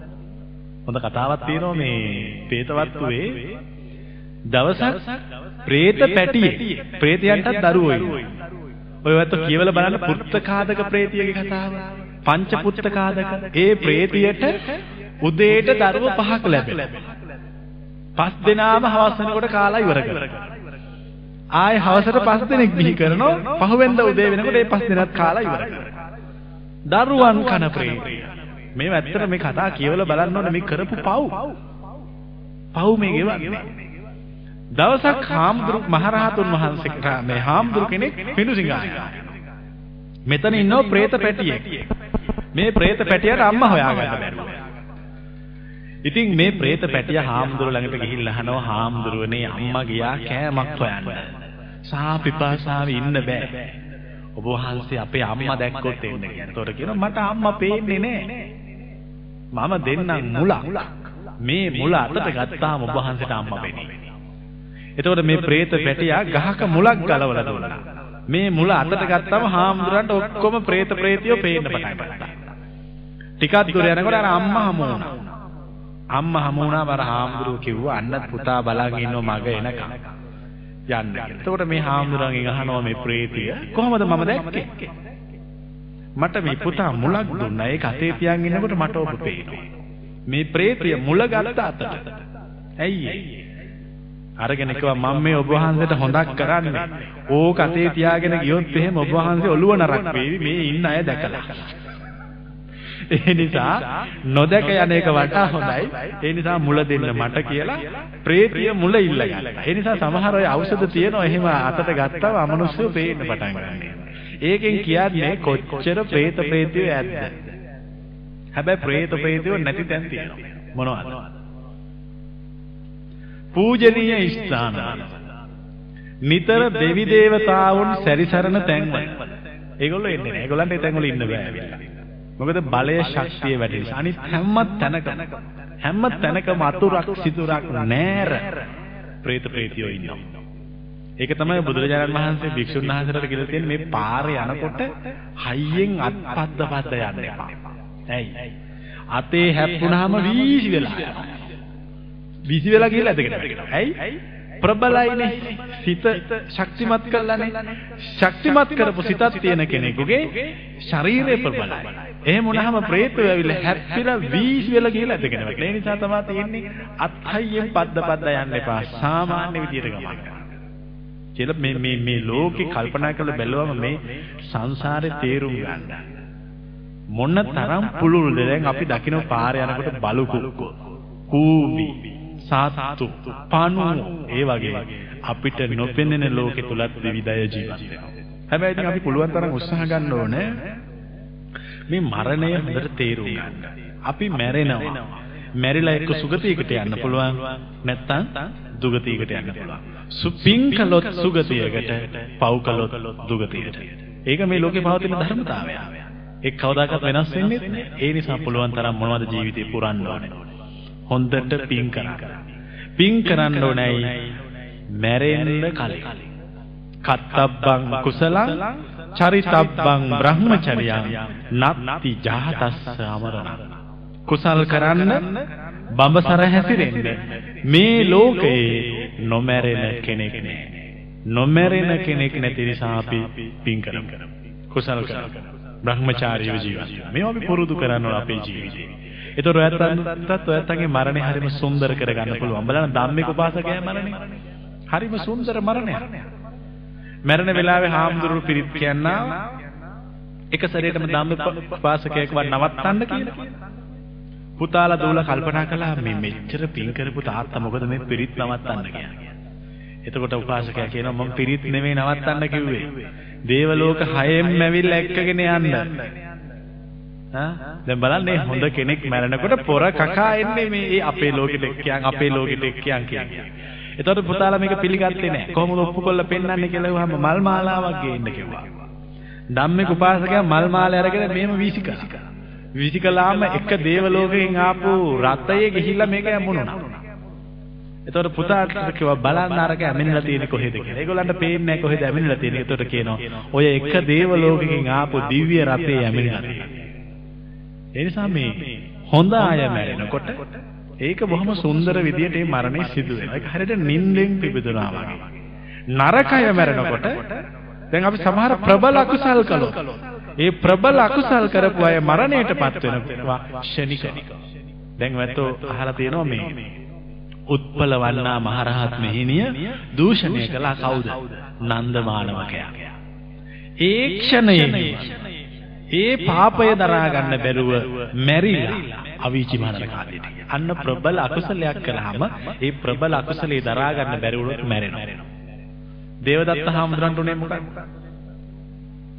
මැරිලා අපාය ඒ උනේ ඒකමයි. ඔය හදිස්සි ඊළඟට සුප්පබුද්ධ රජුරු යසෝදරා දේවියගේ තාත්තා බුදුරජාණන් වහන්සේ පිඬුසිඟා වඩිනකොට උන්වහන්සේට මග හරස් කළා. උන්වහන්සේට යන්න දුන්නේ. උන්වහන්සේට පිඬුසිඟා වඩින්න යන්න දුන්නේ නැහැ. පාර හරස් කළා උන්වහන්සේ ගමන වැළැක්වුවා. නින්දා කළා. පරුස වචනෙන් බැනලා ඉවර වෙලා මොකද උනේ? මැරුණා. මැරිලා පාය. ඔය සමහර පව් කළාම ප්‍රබල පව් දරා ගන්න බැරි වුණාම අපාය ගිහින් උපදිනවා. ඒකයි අපි කියන්නේ පණ පිටින් අපාය යනවා කියලා. එහෙම නැතුව කවුරුවත් පණ පිටින් නම් අපාය යන්නේ නැහැ. මොකද ඒ ලෝකෙට මෙහෙම යන්න බෑ. ඒ ලෝකෙට යන වෙන ක්‍රමයක් තියෙනවා. ඒ විදිහටයි යන්න ඕන. පණ පිටින් අපාය යනවා කියන්නේ මේ අර අපි කියන්නේ මේ මැරිච්ච ගමන් අපාය ගිහිලා උපදිනවා. ඒ නිසා මේ මරණය කියන එක අපි හරියට හොඳට තේරුම් ගන්න. අපි හැම කෙනෙම මැරෙන බව දැනගෙන ජීවත් වෙන්න. මෙච්චරයි. හැමතිස්සෙම හිතන්න දැන් මොහොතක් ඉවරයි. දැන් මොහොතක් ඉවරයි. දවසක් ඉවරයි. අවුරුද්දක් ඉවරයි. දෙකක් ඉවරයි. මරණය ළඟට. ඒ නිසා පුළුවන් නේම හිතන්න ඕනේ. මේ මරණය ගැන හිතන එකේ වටිනකම තියෙන්නේ. එතකොට පව් කරන්න හිතෙන්නේ නැහැ. ඒ කොයි වෙලේද කියලා දන්නේ නැහැ. පව් වලින් පුළුවන් තරම් බැහැර වෙන්න පුළුවන් මරණය ගැන හොඳට කල්පනා කරනවා. හොඳට මරණ ගැන කල්පනා කරලා පව් කරන කෙනෙක් වලකින්න පින් කරන්න කුසල් පුරා ගන්න ජීවිතේ හදා ගන්න හැම දිනාටම ශක්තිය ලැබේවා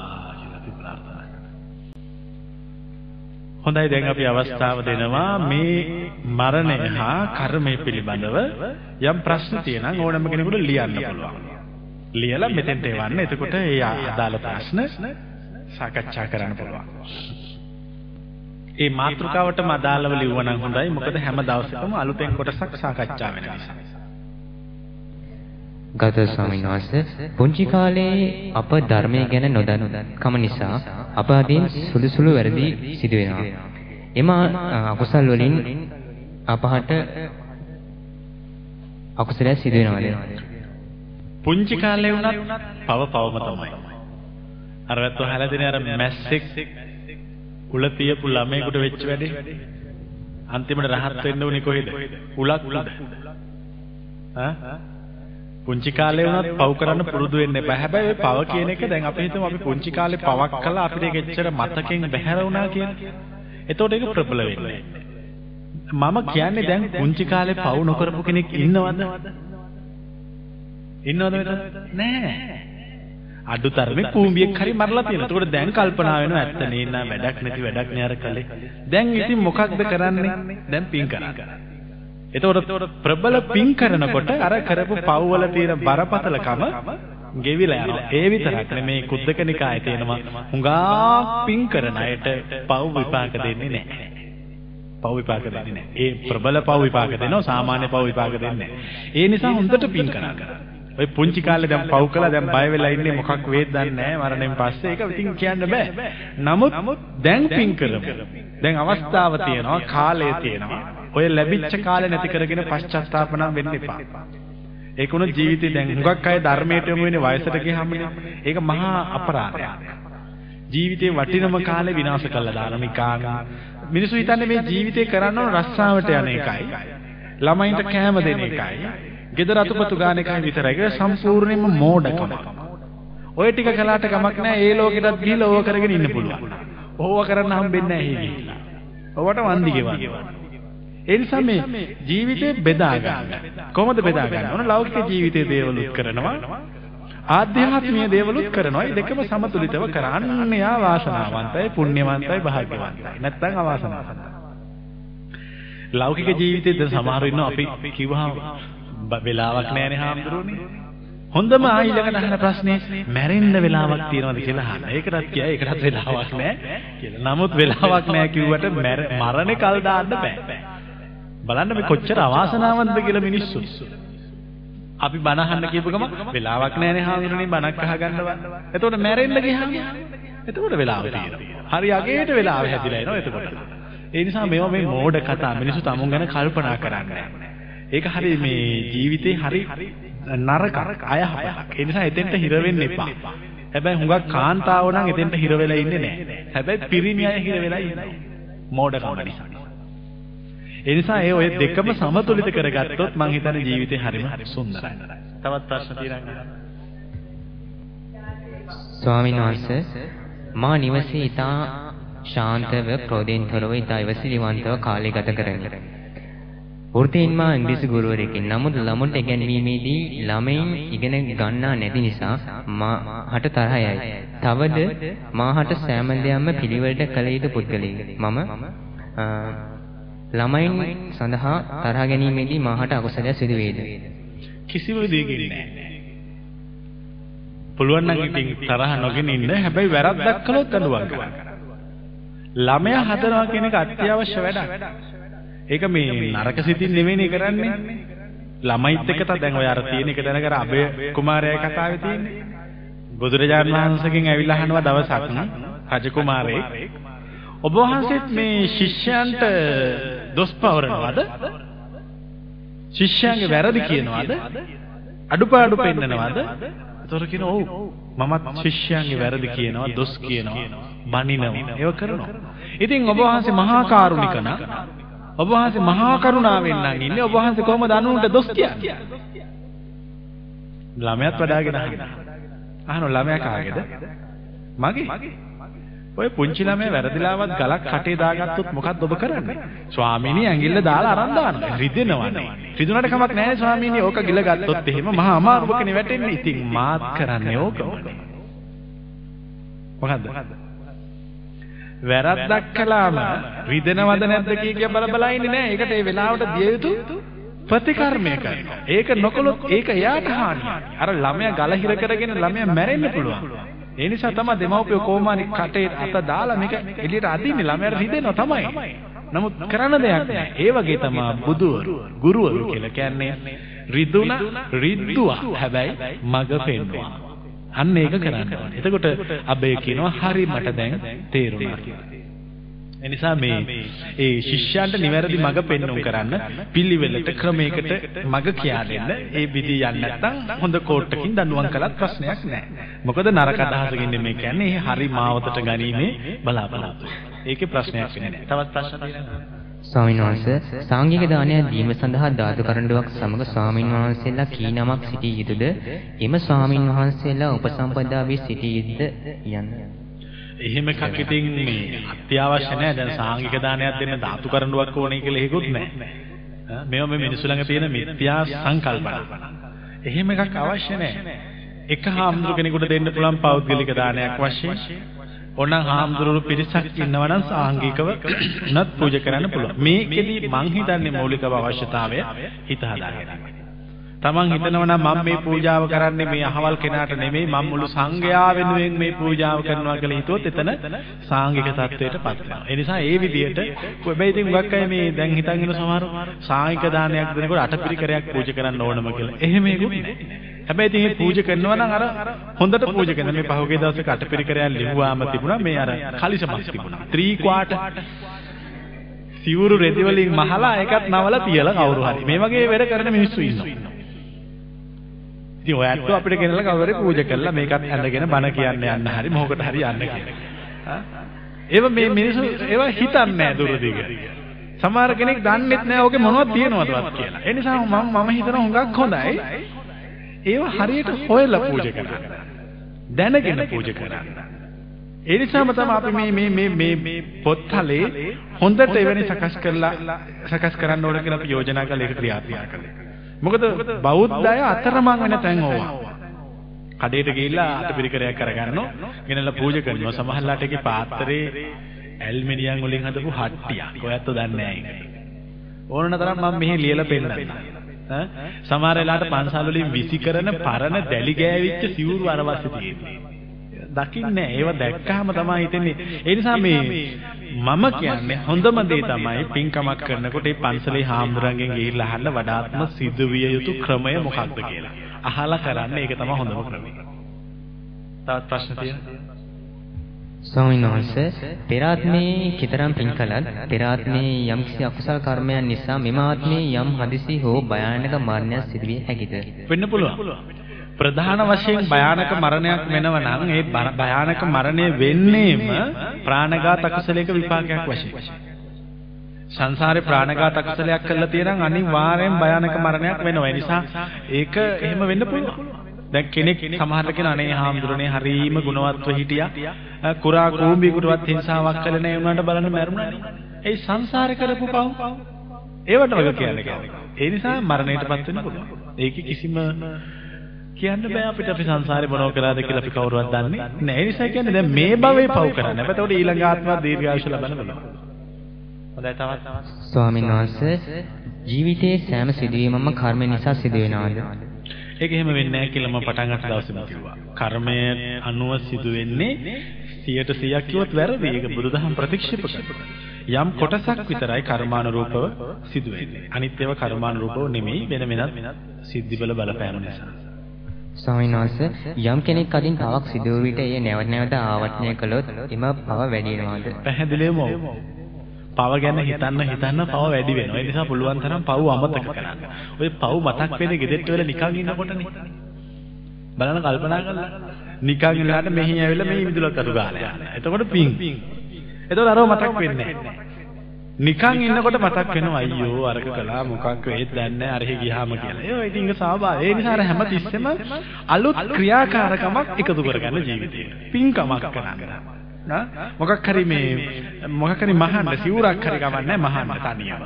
මේක මහලා මම පූජා කරා. මොකක් හරි ඒ විදිහේ හොඳ එතකොට ඒක හොඳ හැමතිස්සෙම මනස හොඳ දෙයකට යොදවන්න. අතු ගන්න විශේෂයෙන් ගක් හොඳයි. හැම කෙනෙක්ම ජීවිතයේ හාමුදුරු කෙනෙක් බොහොම සමීප වාසය කරා. පව් කරන්න වෙන්නේ නැහැ. ඇයි? ලැජ්ජයිනේ. ඕක දැනගත්තොත් එහෙම බැනුම් අහන්න වෙනවා හතර මායමට යන්න හම්බ වෙන එකක්. බලන්න කොච්චර හොඳ වැඩක්ද කියලා වෙලා තියෙන්නේ. දැන් අර හරියට කොටිවාලිගේ බැඳගත්තා වගේ. මේක දැන් අත්තරින්නත් බෑ. බැනුම් අහන්න වෙනවා. අරහෙන් මේක කළොත් ඒ නිසා මේක නොකර ඉන්න. දැන් මන්න හොඳ වෙලා. දැන් පව් කරන්න. ඉතින් ඒක මං හිතන හුඟක් හොඳ දෙයක්. එතකොට තමුන් හැදෙනවා. ඒක තමයි මේ භික්ෂුන් වහන්සේලාට බුදුරජාණන් වහන්සේ කියලා තියෙනෙත් ඒකයි. මේ ගිහියන්ට මඟ පෙන්වන්න ඕන. ඒගොල්ලෝ පව් වලින් අයින් කරවන්න ඕන. ඒගොල්ලන්ට හොඳ මඟ කියා දෙන්න ඕන. එතකොට මේ ඒ නිසා හැම කෙනෙක් මේ ඒ විදිහේ ක්‍රමයක් හදාගන්න. පන්සල ළඟින් ආශ්‍රය කරලා. එතකොට පව් කරන්න සිද්ධ වෙන්නේ නැහැ. එතකොට අර පව් කරන අය කතා කරන්නේත් නැහැ. ඇයි කියනවා අපෝ එයාට කතා කරද්ද අපිට ගන්න බෑ. යන්න අරහෙ හරි. එතකොට ඒකෙන් වෙලා තියෙන හොඳක් නෑ අන්තිමට. මොකද්ද හොඳේ? ඒ සමාජයේ කලින් තමුන් වැරදි වැඩ කළත් දැන් කියනවා අපෝ දැන් එයා නෑ එයා දැන් මෙහි කතා කරන්නේ නෑ. ඒකෙන් වෙන හොඳේ. තමුන්ටත් කරන්න බයයි. මේකම දැනගෙන මට බණිත් දන්නේ නැහැ මේක දැනගත්තොත්. මට නිඳා කරා දන්නේ නැහැ. ඒ නිසා ඔය පව් කරන එකට පුළුවන් තරම් මේ ඒකට කියන්නේ බාධක දාගන්න. බාධක තියාගන්න ඕනේ හැමදාම. ඒතකොට අපේ හිත මනින්නේ දැන් අපිට පව් කරන්න බෑනේ. ඇයි? බාධක දාලා. එතකොට දැන් ඔයත් කරන තරම් පව අපිට කරන්න බෑ. අපිට බොරු කිය කියන්න පුළුවන් ද පාරේ? ගිය ගමන් මිනිස්සු බයින අර හාමුදුරුවෝ බොරු කියන තරම් බලන්න. ඒ නිසා බොරු කියන්න බෑ. සත්තු මර මර යන්න පුළුවන්ද? අඩු ගන්න ගැරන්ඩියකටවත් ගහන්න පුළුවන්ද? ගෙහුව ගමන් මිනිස්සු බයිනවා පේන නෑ ගැරන්ඩියටත් ගහනවා අර හාමුදුරුවෝ කියලා. ඒ නිසා දැන් ඒ වගේ මේ පව් කරන්න බාධක දාගන්න. ඒතකොට පව් කරන්න බෑ. ඒකට හොඳම ගිහියෙකුට තියෙන හොඳම ක්‍රමය තමයි පන්සලක් හාමුදුරු කෙනෙක් බොහොම සමීපව ආශ්‍රය කරන්න. එතකොට පව් කරන්න බෑ. පින් කරන්නමයි වෙන්නේ. එතකොට හරි හොඳක් නේ වෙලා තියෙන වයසට කියලා කල්පනා කරලා බැලුවම ජීවිතේ හරිම සුන්දරයි. ඇයි? පින්මනේ කළා තියෙන්නේ. ආ එතකොට මැරුණාම ගෙනියන්න හුඟක් දේවල් තියෙනවා. ඒ නිසා සන්තෝෂින් මැරෙන්න පුළුවන්. අන්න සන්තෝෂින් මැරෙනකොට මරණය වේදනාවක් නෙමෙයි. නැත්තම් වේදනාවක්. භයානක වේදනාවක්. ඇයි ඉතින් මෙච්චර දේවල් අත්හැරලා දාලා යන්න කිව්වහම කවුද කැමති? ඒ කැමති වෙන්න නම් හොඳට පින් කරලා තියෙනවා. එතකොට පින් කළාම දන්නවා මේ තියෙන ඒවාට වඩා එකක් අපිට ලැබෙනවා කියලා. ඒ නිසා බය නැතුව යන්න පුළුවන්. හොඳයි තවත් ප්‍රශ්න තියෙනවා.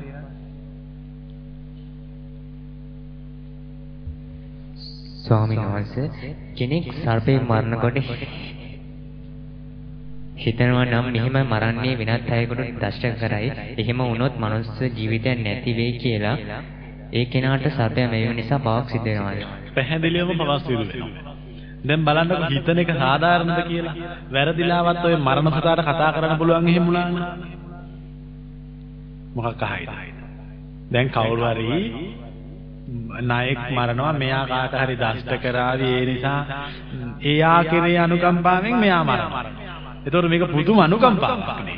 නොදකින්න නොවන දෙයකට වේවි කියලා හිතනවා. එහෙම ප්‍රායෝගික නෑ. ඒක සම්පූර්ණ බොරුවක්. කිසිම සතෙක් මරන්න බෑ. ද්වේෂයක් නැතුව.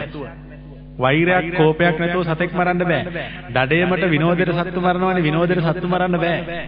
විනෝදයට මරුවත් වෛරය කෝපේ හිතින් එන්නම ඕනේ. ඒ නිසා ඒ හැම තැනක්ම පාපයක්. ඒ නිසා කිසිම විදියකට සතෙක් මරන්න එපා. වැරදිලා. දැන් අපි හිතමු අපි සත්තු මරනවානේ. ඒ සතුන්ට කතා කරන්න පුළුවන් වුණොත් ඒ සතුන් අහවි.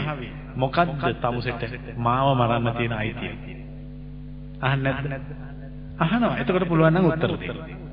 දැන් යම් දවසකින් මිනිස්සයාට වඩා දියුණු සතෙක් ඇවිල්ලා මිනිස්සුયો ටික මරාගෙන යන්න පටන් ගත්තා. එතකොට අපිට මොකද්ද කරන්නේ? ඒ නිසා මේ කිසි කෙනෙකුට අයිතියක් නැහැ. තවත් කෙනෙකුගේ ජීවිතයක් විනාශ කරන්න. ඒක බරපතල පාපයක්, අසාධාරණයක්, නරකයක්. තවත් ප්‍රශ්න තියෙනවද? ස්වාමීන් වහන්සේ අසාධ්‍යව සිටින කෙනෙක් නින්දේදී මිය ගිය විට ඔහුට චුතිසිත පහළ වේද? ඔහුට චුතිසිත පහළ වේද? මෙහෙමයි වෙන්නේ. කොච්චර අසාධ්‍ය වුණත් මේ හිත කියන එක ශාරීරියේ පුරාම පැවතිලා තියෙන ශක්තිය. මරණයට ලං වෙනකොට දැන් අපි පළවෙනි හුස්ම ගන්න කොහොමද ඇතුළටද එළියටද? ඇතුළට. ඉපදිලා පළවෙනි හුස්ම ගන්න ඇතුළට. ගාර ඇදලා ගන්න. අන්තිම හුස්මට මොකද්ද වෙන්නේ? එළියට දානවා. ඔය නිකම්ම නෙමෙයි එළියට දාන්නේ. ශක්තියකුත් එක්ක එළියට දානවා. ඔය මුළු ශරීරයේ පුරාම තියෙන හිත එක තැනකට අපි ගේන්න ඕන ඔය ශක්තිය හදවතට තමයි ගේන්නේ. හදවතට ගෙනාවෙන් පස්සේ මේක හරි ප්‍රබලයි. කරපු ඔක්කොම පේන්න පටන්. කොච්චර අසාධ්‍ය වුණත් හරියට මේ අවුරුදු 16ක ළමයෙක් වගේ ප්‍රබල වෙනවා සිත. ප්‍රබල වෙලා අර ඔක්කොම ටික පෙන්න නොකරපු ටික. ඒ නිසා කොච්චර සිහිසුන්ව මරණයටපත් වුණත් මරණාසන්නයේදී මොකද්ද වෙන්නේ? ඊටාම පියවිසිහියට ඇවිල්ලා තමයි ඕනම කෙනෙක් මැරෙන්නේ. කිසිම කෙනෙක් සිහිය නැතුව මැරෙන්නේ නැහැ. මැරෙන්න බෑ. තේරුණානේ? ඒ නිසා ඉතින් ඒකට ඒකෙන් ගැලවීමකුත් නැහැ. තොර කෙනෙකුට යන්න පුළුවන් එහෙනම් ඉතින් එහෙමවත් මැරෙමු එතකොට ඔය ඔක්කොම ටික ඉවරයි කියලා එහෙම බෑ මොකද අර අතෙන්ට ශක්තිය එකතු වෙන එකතු වෙලා එළියට දාන්න. එතකොට එකතු නම් ප්‍රබලයි ඔක්කොම කරපු හොඳ නරක ඒ නිසා පුළුවන් තරම් හොඳ කරන්න. ප්‍රශ්න තියෙනවා. හොඳයි එහෙනම් මෙතෙක් වෙලාවක් ධර්ම ශ්‍රවණය කළා. සියලු යහපත සැප සම්පත සමෘද්ධිමත් භාවය ලැබේවා මේ හැම දිනාටම උතුම් මෛත්‍රිය බෝසතාණන් වහන්සේගේ ආශිර්වාදය ලැබේවා කියලා ප්‍රාර්ථනා කරා. ඒ වගේම මේ රැස් කරගත්තා වූ සියලු කුසල ශක්තිය සියලු දෙවියෝ අනුමෝදන් වෙත්වා. මේ හැම දිනාටමත් අපිට ඒ වගේම මතුබුදු වන උතුම් මෙත් මහ බෝසතාන් වහන්සේත් මෙපින්කම අනුමෝදන් වීමෙන් උතුම් අමා මහ නිවන් අවබෝධ කරගනීවා කියන ප්‍රාර්ථනාවෙන් සියලු දෙනාම මෛත්‍රී බෝසතාණන් වහන්සේට පින් අනුමෝදන් කරමු. සසිරි බර තුසිත පුර නිතින වැඩ සිටින මන සතට සිත දෙවන සොඳ පාරමී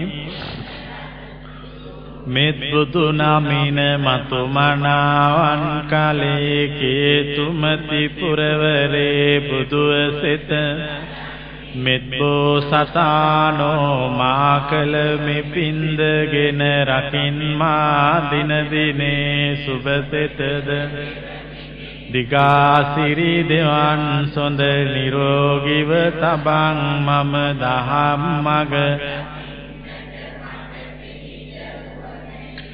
හොඳයි හැම කෙනෙකුටම මේ උතුම් ධර්ම ශ්‍රවණමය කුසල ශක්තිය හේතු වාසනා වීමෙන් සියලු සසර දුක් නිවා ලබන උතුම් අමා මහ නිවන් අවබෝධය පිණිස පාරමිතාවක් වේවා කියලා ප්‍රාර්ථනා කරා.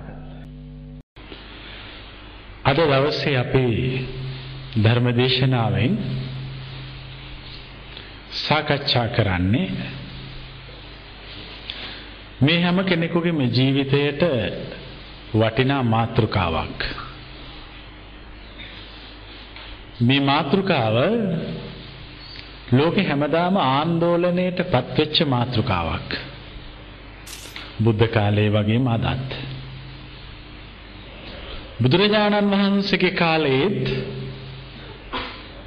සමාජයේ විවිධ අය අතර මේ මාතෘකාව සාකච්ඡා වුණා. අදත් ඒ වගේමයි. අද දවසේ අපි කල්පනා කරලා බලන්නේ මේ වචනයේ සැබෑම අදහස දේශනාවෙන් පැහැදිලි වෙන ආකාරය. දැන් දේශනාව තුළ මොන විදියටද මේ අපි කියන වචනය විස්තර කරලා තියෙන්නේ? මොකද්ද වචනය? හිතලා කියන්න බලන්න. ඈ? වචනය තමයි මංගල. මංගල. දැන් අදත් සමාජයේ මිනිස්සු අතර නැද්ද? මොකක්ද මංගල කියන්නේ? මොකක්ද අවමංගල කියන්නේ? මිනිස්සු අතර කතා බහක් තියෙනවා.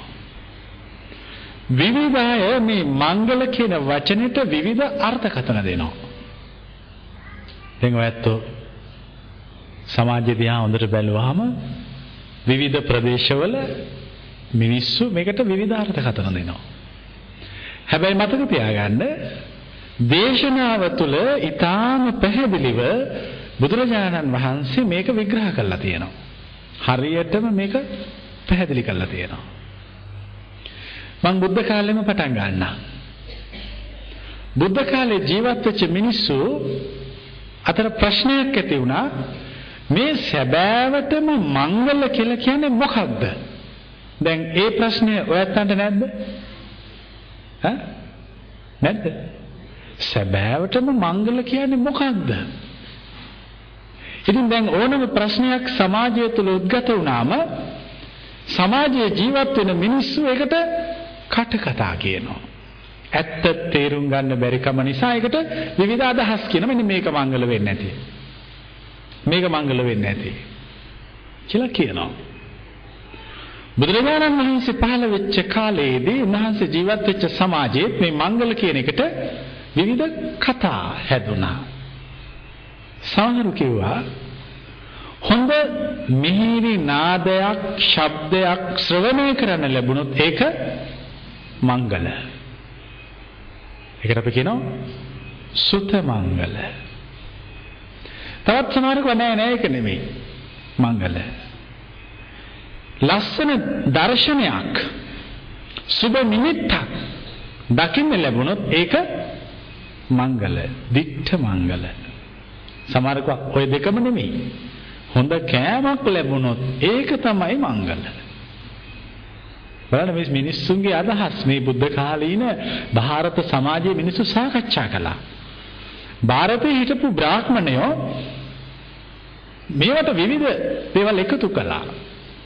මංගල දැන් ඔය ලංකාවේ ක්‍රියාත්මක වෙන බොහෝ අදහස් මංගල කියන වචනය පිළිබඳව අපිට කොහෙන් ලැබිච්ච අදහස්ද? ඈ දැන් ඔයත් සාමාන්‍ය සමාජයේ මංගල කියලා ක්‍රියාත්මක කරන සියලුම අදහස් කොහෙන් ලැබිච්චද? ඉන්දියාවේ බමුණන්ගේ අදහස් ඒවා බෞද්ධ අදහස් නෙවෙයි ඉතින් අද අපි සාකච්ඡා කරලා පෙන්නන්නේ මේ ඇත්තටම මංගල මොකක්ද? දැන් සූත්‍රයක් තියෙනවා උපාසක චණ්ඩාල සූත්‍රයේදී බුදුරජාණන් වහන්සේ පැහැදිලි කරනවා සැබෑ උපාසකයෙක් ළඟ තියෙන්න ඕනේ ಗುಣ. එක ගුණයක් තමයි බුදුරජාණන් වහන්සේ කෙරේ පැහැදීම. ධර්මයේ කෙරේ පැහැදීම. සංඝයා කෙරේ පැහැදීම. දන් දෙන්න මේ ශාසනයෙන් පරිබාහිරව වෙනත් කෙනෙක් සොයන්නේ නැහැ. හතරවෙනි එක. පස්වෙනි එක තමයි සුබ අසුබ නිමිති බල බල යන්නේ නැහැ.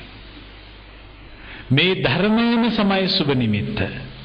ධර්මයේම තමයි මංගල. ඒක තමයි බුදුරජාණන් වහන්සේ දේශනා කරන්නේ මංගල කියන එකේ අර්ථය වශයෙන්. උපාසක චණ්ඩාල සූත්‍රයේ. දැන් දැන් මිනිස්සු අතර කතාවක් ඇති වුණානේ සමහරු කිව්වා කෑමක් ලැබුණොත් මංගල යමක් ඇහුණොත් ගීත නාදයක් මිහිරි නාදයක් ඇහුණොත් මංගල. සමහර කව නෑ නෑ දෙකම නෙමෙයි. හොඳ ලස්සන දර්ශනයක් දැක්කොත් මංගල කියලා කිව්වා. දැන් ඔයත් ඔය අහලා තියෙනවනේ සැල්ලිහිණි සංදේශෙහිමත් තියෙන්නේ. නල මුදු සුවඳ පිරි කුඹු මියුරු අඹ ගෙඩි පුල හෙල කුසුමලිය පිය තෙපල රන් කෙඳි සලසුදු සෙමෙරසේ සත් ගිජුදු නොද වැඩි. බල සුබ නිමිති පෙර මග නැකතටත් වැඩි. ඔය සැලලිනි සංදේශ කතුවරයා ඔය කියන සියලුම සුබ නිමිති ටික කාගෙන් ඉගෙනගත්ත සුබ නිමිතිද? ඈ? කවුද මේ සුබ නිමිති කියලා තියෙන්නේ? බමුණෝ. මේවා ඔක්කොම බ්‍රාහ්මණය උගන්වපු සුබ නිමිති. දැන් අද අපි සාකච්ඡා කරන්නේ සබ්බාම සුබ නිමිති. දැන් අද සමාජයේ සුබ නිමිති කියලා බලන්නේ ඔය කලින් කියපු ටික නෙමෙයිද? නල මුදු සුවඳ පිරි කුඹු මියුරු අඹ ගෙඩි පුල හෙල කුසුමලිය පිය තෙපල රන් කෙඳි. සල සුදු සෙමෙරසේ සත් ගිජුදු නොද වැඩි. බල සුබ නිමිති පෙර මග නැකතටත් වැඩි. මේ කතුරේ කියන සැලලිහිණියට සැලලිහිණියෝ නැකත බලන්න එපා. සුබ නිමිති බලන්න. මොනවද සුබ නිමිති කියන්නේ? නල මුදු සුවඳ. සුවඳ පුරු පිරි කුඹු පිරිච්ච පුන් කලස් මියුරු අඹ ඊළඟට මහනෙල් නෙළුම් සේසත් ඔද වැඩි ගිය ඇතුන් මෙන්න මේවා බලන්න. මම සුබ නිමිති. හැබැයි අපේ දර්ශනීයට වඩා වෙනස්. ඒව සුබ නිමිති වෙන්න පුළුවන්. හැබැයි දැන් අපි ඊට වඩා එහා එකක් ගැන මේ කියන්න හදන්නේ. මේ බුදුදහමේ තියෙන විශේෂත්වය කිසිම දවසක මේ සාම්ප්‍රදායික දෙයකට හිර වෙලා ඒක මත ඉඳගෙන අදහස් ප්‍රකාශ කරන්නේ නැහැ. බුදුරජාණන් වහන්සේ කියලා කියන්නේ ඔක්කොම කඩා බිඳ දමමින් ලෝකයට අලුත්ම ඉගැන්වීමක් ඉදිරිපත් කරනවා. තේරුණානේ? අලුත්ම ඉගැන්වීමක්. දැන් මේ මේ කියන කාරණා ටික අලුත්ම ඉගැන්වීමක්. දැන් මිනිස්සු අතර ලොකු කතා බහක් මංගල කියන්නේ මොකක්ද කියලා. ඒකට මිනිස්සු අර්ථකථන තුනක් දුන්නා. දැන් හැමෝම එක දන්නවා. ඉතින් මේ කතාන්දරේ ගියා දෙවියෝ ළඟට. දැන් ඕනම ප්‍රශ්නයක් දේව ලෝකෙට යන්නේ කවුරු හරහාද? මිනිස්සු අතර ඇති වෙන ප්‍රශ්න බෝමාට දෙවියෝ ගිහිල්ලා ළඟම දෙවියෝ කවුද? චාතුම් මහරජික දෙවියෝ චාතුම් මහරජික දෙවියන්ට කියනවා. චාතුම් මහරජික ලෝකෙට ටිකක් එහැයින් තියෙන්නේ තාවතින්ස ලෝකේ ඒගොල්ලෝ අනිත් අයට කියනවා. තාවතින්ස ලෝකයට වඩා ටිකක් ඉහළින් තියෙන්නේ යාම ලෝකේ යාම ලෝකේ දෙවියන්ට කියනවා. යාම ලෝකෙට උඩින් තියෙන තුසිත ලෝකේ තුසිත ලෝකේ දෙවියන්ට කියනවා. ඊළඟට නිම්මාන රති ලෝකේ නිම්මා පරනිම්මිත වසවත්ති මාර. ඔහමනේ උඩට උඩට දේව ලෝකෙට කියන්නේ. දැන් දෙවියෝ අතරත් ප්‍රශ්නයක්.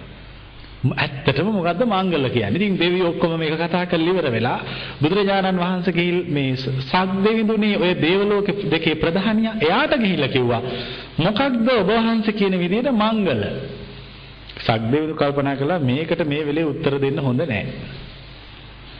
දැන් සමහර ඒවා තියෙනවනේ අපේ සමාජයේ උත්තර දෙන්න බයයි. දැන් ওই කතාවක් තියෙනවා මේ සිංහයෙකුට බත් මුලක් හම්බ වුණාලු. නරයෙකුත් ඉන්නවලු.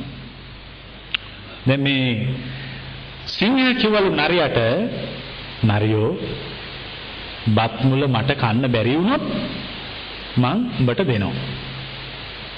වැරදිලාවත් මට ගන්න දෙයක් නැති වුණොත් ඈ මං උඹව කනවා.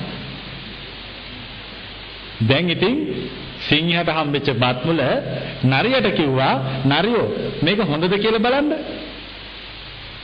දැන් ඉතින් නරිය කල්පනා කළා මේකට හොඳේ කිව්වොත් එහෙම සිංහයා කනවා එතකොට මට කන්න දෙයක් නැහැ. මේකට නරකයි කිව්වොත් ඈ මාව කනවා. ඉතින් දැන් සිංහයා බත් මුල ලිහලා දෙන නරියට කව නරිය මේක හොඳද අරකද කියනවා රජතුමනි මේ දවස්වල මට හෙම්බිරිස්සාව ඒ නිසා මේකට මට මොකුත් කියන්න බැහැ. ඒ වගේ මේ අපේ ලෝකේ ඉන්න හුඟක් අයට මේ දවස්වල හෙම්බිරිස්සාව. ඈ දැන් මේ සද්දවිදුත් කල්පනා කරා හෙම්බිරිස්සාව විදියට හිටියොත් හුඟක් හොඳයි මේ වෙලේ. ඉතින් සද්දවිදුත් කව මට උත්තර දෙන්න බෑ. ඕකට උත්තර ගන්න යන්න සවැත් නුවර ජේතවනාරාමයට. ඉතින් මේ දෙවියා තවත් අයත් එක්ක සාකච්ඡා කරගෙන දැන් ඔයත් හිතන්න එපා. මේක මේ මේක මේ මේ දේශනාව දෙවියන්ට කරපු දේශනාවක්? නෑ. එහෙම එකක් නෙමෙයි. මේ පවතින මනුෂ්‍ය ලෝකයටයි මේ දේශනාව කරන්නේ. හොඳට කියවලා බලනකොට තේරෙනවා. මේ මනුෂ්‍ය ලෝකෙට මේ දේශනාව කරන්නේ. එතකොට එහෙනම් බුදුරජාණන් වහන්සේ මේ ධර්මය කාටද කියන්නේ මිනිස්සුන්ට ඔය එක අර්ථයක්. සමහර වෙලාවට ත්‍රිපිටකයේ දේව ශබ්දය යොදලා තියෙනවා මිනිස්සු පෙන්වන්නත්. දැන් ඔය දේව කියන වචනේ තේරුම හොඳ ගුණවත් මිනිස්සෙක් දැක්කහමත් අපි කියනවනේ කවුරු කියලාද? දෙවියෙක්. දෙවියෙක්, මිනිස්සෙක් නෙවෙයි දෙවියෙක්. සමහර තැන්වල සමහර ප්‍රශ්න මිනිස්සු අහපු ප්‍රශ්න කවුරු අහපු ලෙස වාර්තා කළාද තියෙන්නේ? දෙවියෝ අහපු ලෙස වාර්තා කරපු තැනුත් තියෙනවා. ඉතින් ඔය දෙවිදියටම ගත්තත් මේ දේශනාව මිනිස්සුන්ට ගැලපෙන දේශනාවක්. දැන් ඉතින් මේ දෙවියා ආවිලා රාත්‍රියේ සවැත් නුවර ජේතවනාරාමයේ ආලෝකමත් කරගෙන ඇවිල්ලා අහනවා මේ බහෝ දේවා මනුස්සාච මංගලානි අචින්තයුන් ආකංක මානසුත්තානං බ්‍රූහි මංගල මුත්තමං දෙවියා මේ ගාතාවකින් ප්‍රශ්නයක් නැගුවා. මොකද්ද ප්‍රශ්නේ? තේරුම? බොහෝ දෙවියෝ මිනිසුත් මංගල යනු කුමක්දයි කල්පනා කරති. භාග්‍යවතුන් වහන්සේ මංගල යනු කුමක්දයි අපට දේශනා කරන සේක්වා. ඔන්නෝක තමයි ඉල්ලීම. දැන් බුදුරජාණන් වහන්සේගේ ධර්ම දේශනාවල තියෙනවා විලාශයක්, ශෛලියක් තියෙනවා. හැම ධර්ම දේශනාවක්ම ආරම්භ වෙන්නේ ලෞකික පැත්තෙන් ආරම්භ වෙලා අවසන් වෙන්නේ කොහෙන්ද? ලෝකෝත්තර වෙච්ච නිර්වාණයෙන්. ඒක තමයි ඕනම සූත්‍රයක් අරගෙන බැලුවම ඒක තමයි තියෙන සූත්‍රයේ තියෙන හැම තනි තනි සූත්‍රයක් ගත්තත් ඒ හැම තනි තනි සූත්‍රයකම දර්ශනයක් තියෙනවා. නිකම් මෙහෙම කියාගෙන කියාගෙන යන්නේ. ඒ හැම දෙයක් තුළම යම් දර්ශනයකට අනුකූලව කරුණු එකතු කරලා තියෙනවා. මංගල සූත්‍රය තුළ තියෙන දර්ශනයක්. ඒ දර්ශනය තමයි ලෞකික දෙයකින් ආරම්භ කළා ආධ්‍යාත්මීය වෙච්ච නිර්වාණයෙන් අවසන් කිරීම. ඉතින් මේක හරිම වැදගත් ජීවිතේට. දැන් මම මම අද ඔයත්තන්ට කියලා දෙන්නේ ඔයත් ඔයත්තන්ගේ ජීවිතේ මෙතෙක් කලක් මේ මංගල කියන වචනේ තේරුම දැනගෙන හිටියේ නෑ. සමාජ මිනිස්සු තුළ මිත්‍යා විශ්වාස පිරීලා තිබුණා මංගල කියන වචනේත් එක්ක බැඳිලා. දැන් අදත් ඔයත් ඒවා ක්‍රියාත්මක කරනවා. බලන්න හුණෙක් ඇඬුවොත් ගමන යනවද? ඈ යන්නේ නැති අය අතුස්සන්. බය නැතුව අතුස්සන්. ඈ යනවද? අසුබ හිණියක් දැක්කොත් ඒ තමන් කරන්න තියෙන වැඩේ කරනවද? ඈ දැන් ඔය කවුද දේශනා කළේ? ඔය ඔක්කොම දේශනා කළා තියෙන්නේ ඉන්දියාවෙන් ආපු බමුණෝ. දැන් බුදුරජාණන් වහන්සේගේ බලාපොරොත්තුව තමයි මේ මිනිස්සු තුළ තිබිච්ච මේ මිත්‍යා විශ්වාස ඔක්කොම ටික විනාශ කළා. මිනිස්සු තුළ ධර්මාලෝකය ඇති කරවීම. ඒකනේ බුදු කෙනෙකුගේ බලාපොරොත්තුව. දැන් අද කරන්නේ මොකක්ද ඇත්තෝ මංගල සූත්‍රය කටපාඩම් කරගෙන කියනවා කියලා අර බමුණ කියපු මිත්‍යා විශ්වාස ටික කරනවා දැන් බලන්න අද වෙලා තියෙන එක මංගල සූත්‍රය කටපාඩම් කරගෙන කියනවා බමුණ කියපු දේවල් ටික කරනවා මේකද කළ යුතු වන්නේ නැහැ අද බුදුරජාණන් වහන්සේ හිටියනම් ටිකක් සැරවෙන්නත් ඉඩ තිබුණා. ඇයි? මේ මම කිව්වේ ඕකද කරන්න? මම මේ දේශනා කළා තියෙනවා ඔයගොල්ලන්ට කරන්න ඕන දේවල් ටික. ඔයගොල්ලෝ ඒක කටපාඩමින් කියලා ඉවර වෙලා මම නොකියපු මිත්‍යා දේවල් ටිකක් කරලා අපායগামী වෙනවා. ඒ නිසා අද හොඳට මතක තියාගන්න මේ කාරණා 38. මේක හොඳට කොලේකුණත් කමක් නැහැ ලියා ගන්න. ලියාගෙන මතකේ තියාගන්න. මේක දූ දරුවන්ට පෙන්වන්න. හැමදාම උදේට පෙන්වන්න. මේවා තමයි මංගල. මේවා තමයි සුබ. මේ සුබ කාරණා ටික ජීවිතේ තියෙන කවදාකවත් ජීවිතේ වරදින්නේ නැහැ. කවදාකවත් වරදින්න බෑ කාටවත් වරක් දන්නත් බෑ. ඇයි අපි සැබෑ දහම, සැබෑ දේශනාව, සැබෑ ධර්මය මොකක්ද කියලා අපිට දන්න තාක්කල් කිසි කෙනෙකුට අපේ පාර වරද්දන්න බෑ. ධර්මයත් එක්ක ඉන්න තාක්කල් ඒ ධර්මය තුලින් අපි ආරක්ෂා වෙනවා. ඒක මේ ලෝකේ තියෙන නීතියක්. ඒක කවදාකවත් වෙනස් වෙන්නේ නැහැ. ඒ නිසා අපි ජීවත් වෙන්න ඕනේ. මොකක් එක්කද?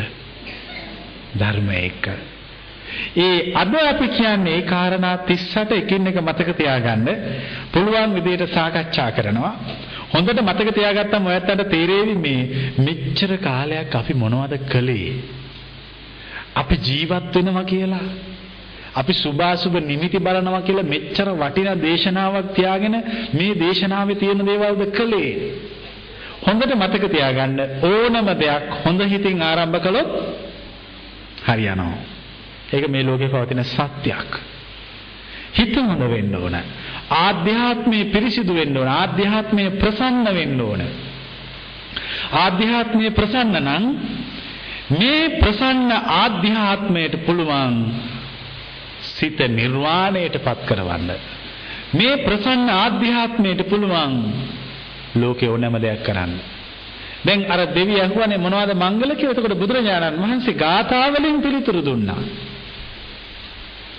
අසේවනාච බාලානං පණ්ඩිතානං ච සේවනා පූජාච පූජනීයානං ඒතං මංගල මුත්තමං. දැන් බලන්න මේ පළවෙනි කාරණේ කොච්චර වැදගත්ද කියලා. දැන් දැන් අපි දැන් අද වුණත් සමාජයේ ඔයත් මේ සූත්‍රය අහලා තියෙනවා හැබැයි මේ අර්ථය හරියට ඇතුළට වැටෙනකොට තේරෙනවා මෙච්චර කලම් මොනවද මේ කර කර හිටියේ මොනවද මේ නටපු නාටකම් මෙච්චර වටින දේශනාවක් තියාගෙන මොනවද අපි කළේ? අපේ ජීවිත හිස් නේද කියලා තමුන් Tamanට දොස් කියන්න පටන් ගන්නවා. පළවෙනි මංගල කාරණය තමයි බාලයන් ආශ්‍රය නොකිරීම. කවුද බාලයෙක් කියලා කියන්නේ? හා? කවුද බා නෑ නූගත් අය නෙමෙයි බාලයෝ කියන්නේ. අන්න බලන්න ඔන්න ඔතන තමයි හුඟක් අය වරද්දගෙන සමහර විතර කෙනෙකුට විශ්වවිද්‍යාලයේ උපාධි සහතික නැත්තම් කෙනෙක් සාමාන්‍ය පෙළ උසස් පෙළ ආදී විභාග සමර්ථ වෙලා නැත්නම් පශ්චාත් උපාදි නැත්නම් ඔහු නූගතෙක් නොවේ මම අහනවා ප්‍රශ්නයක් බුදුරජාණන් වහන්සේට තිබිච්ච උපාදිය මොකද්ද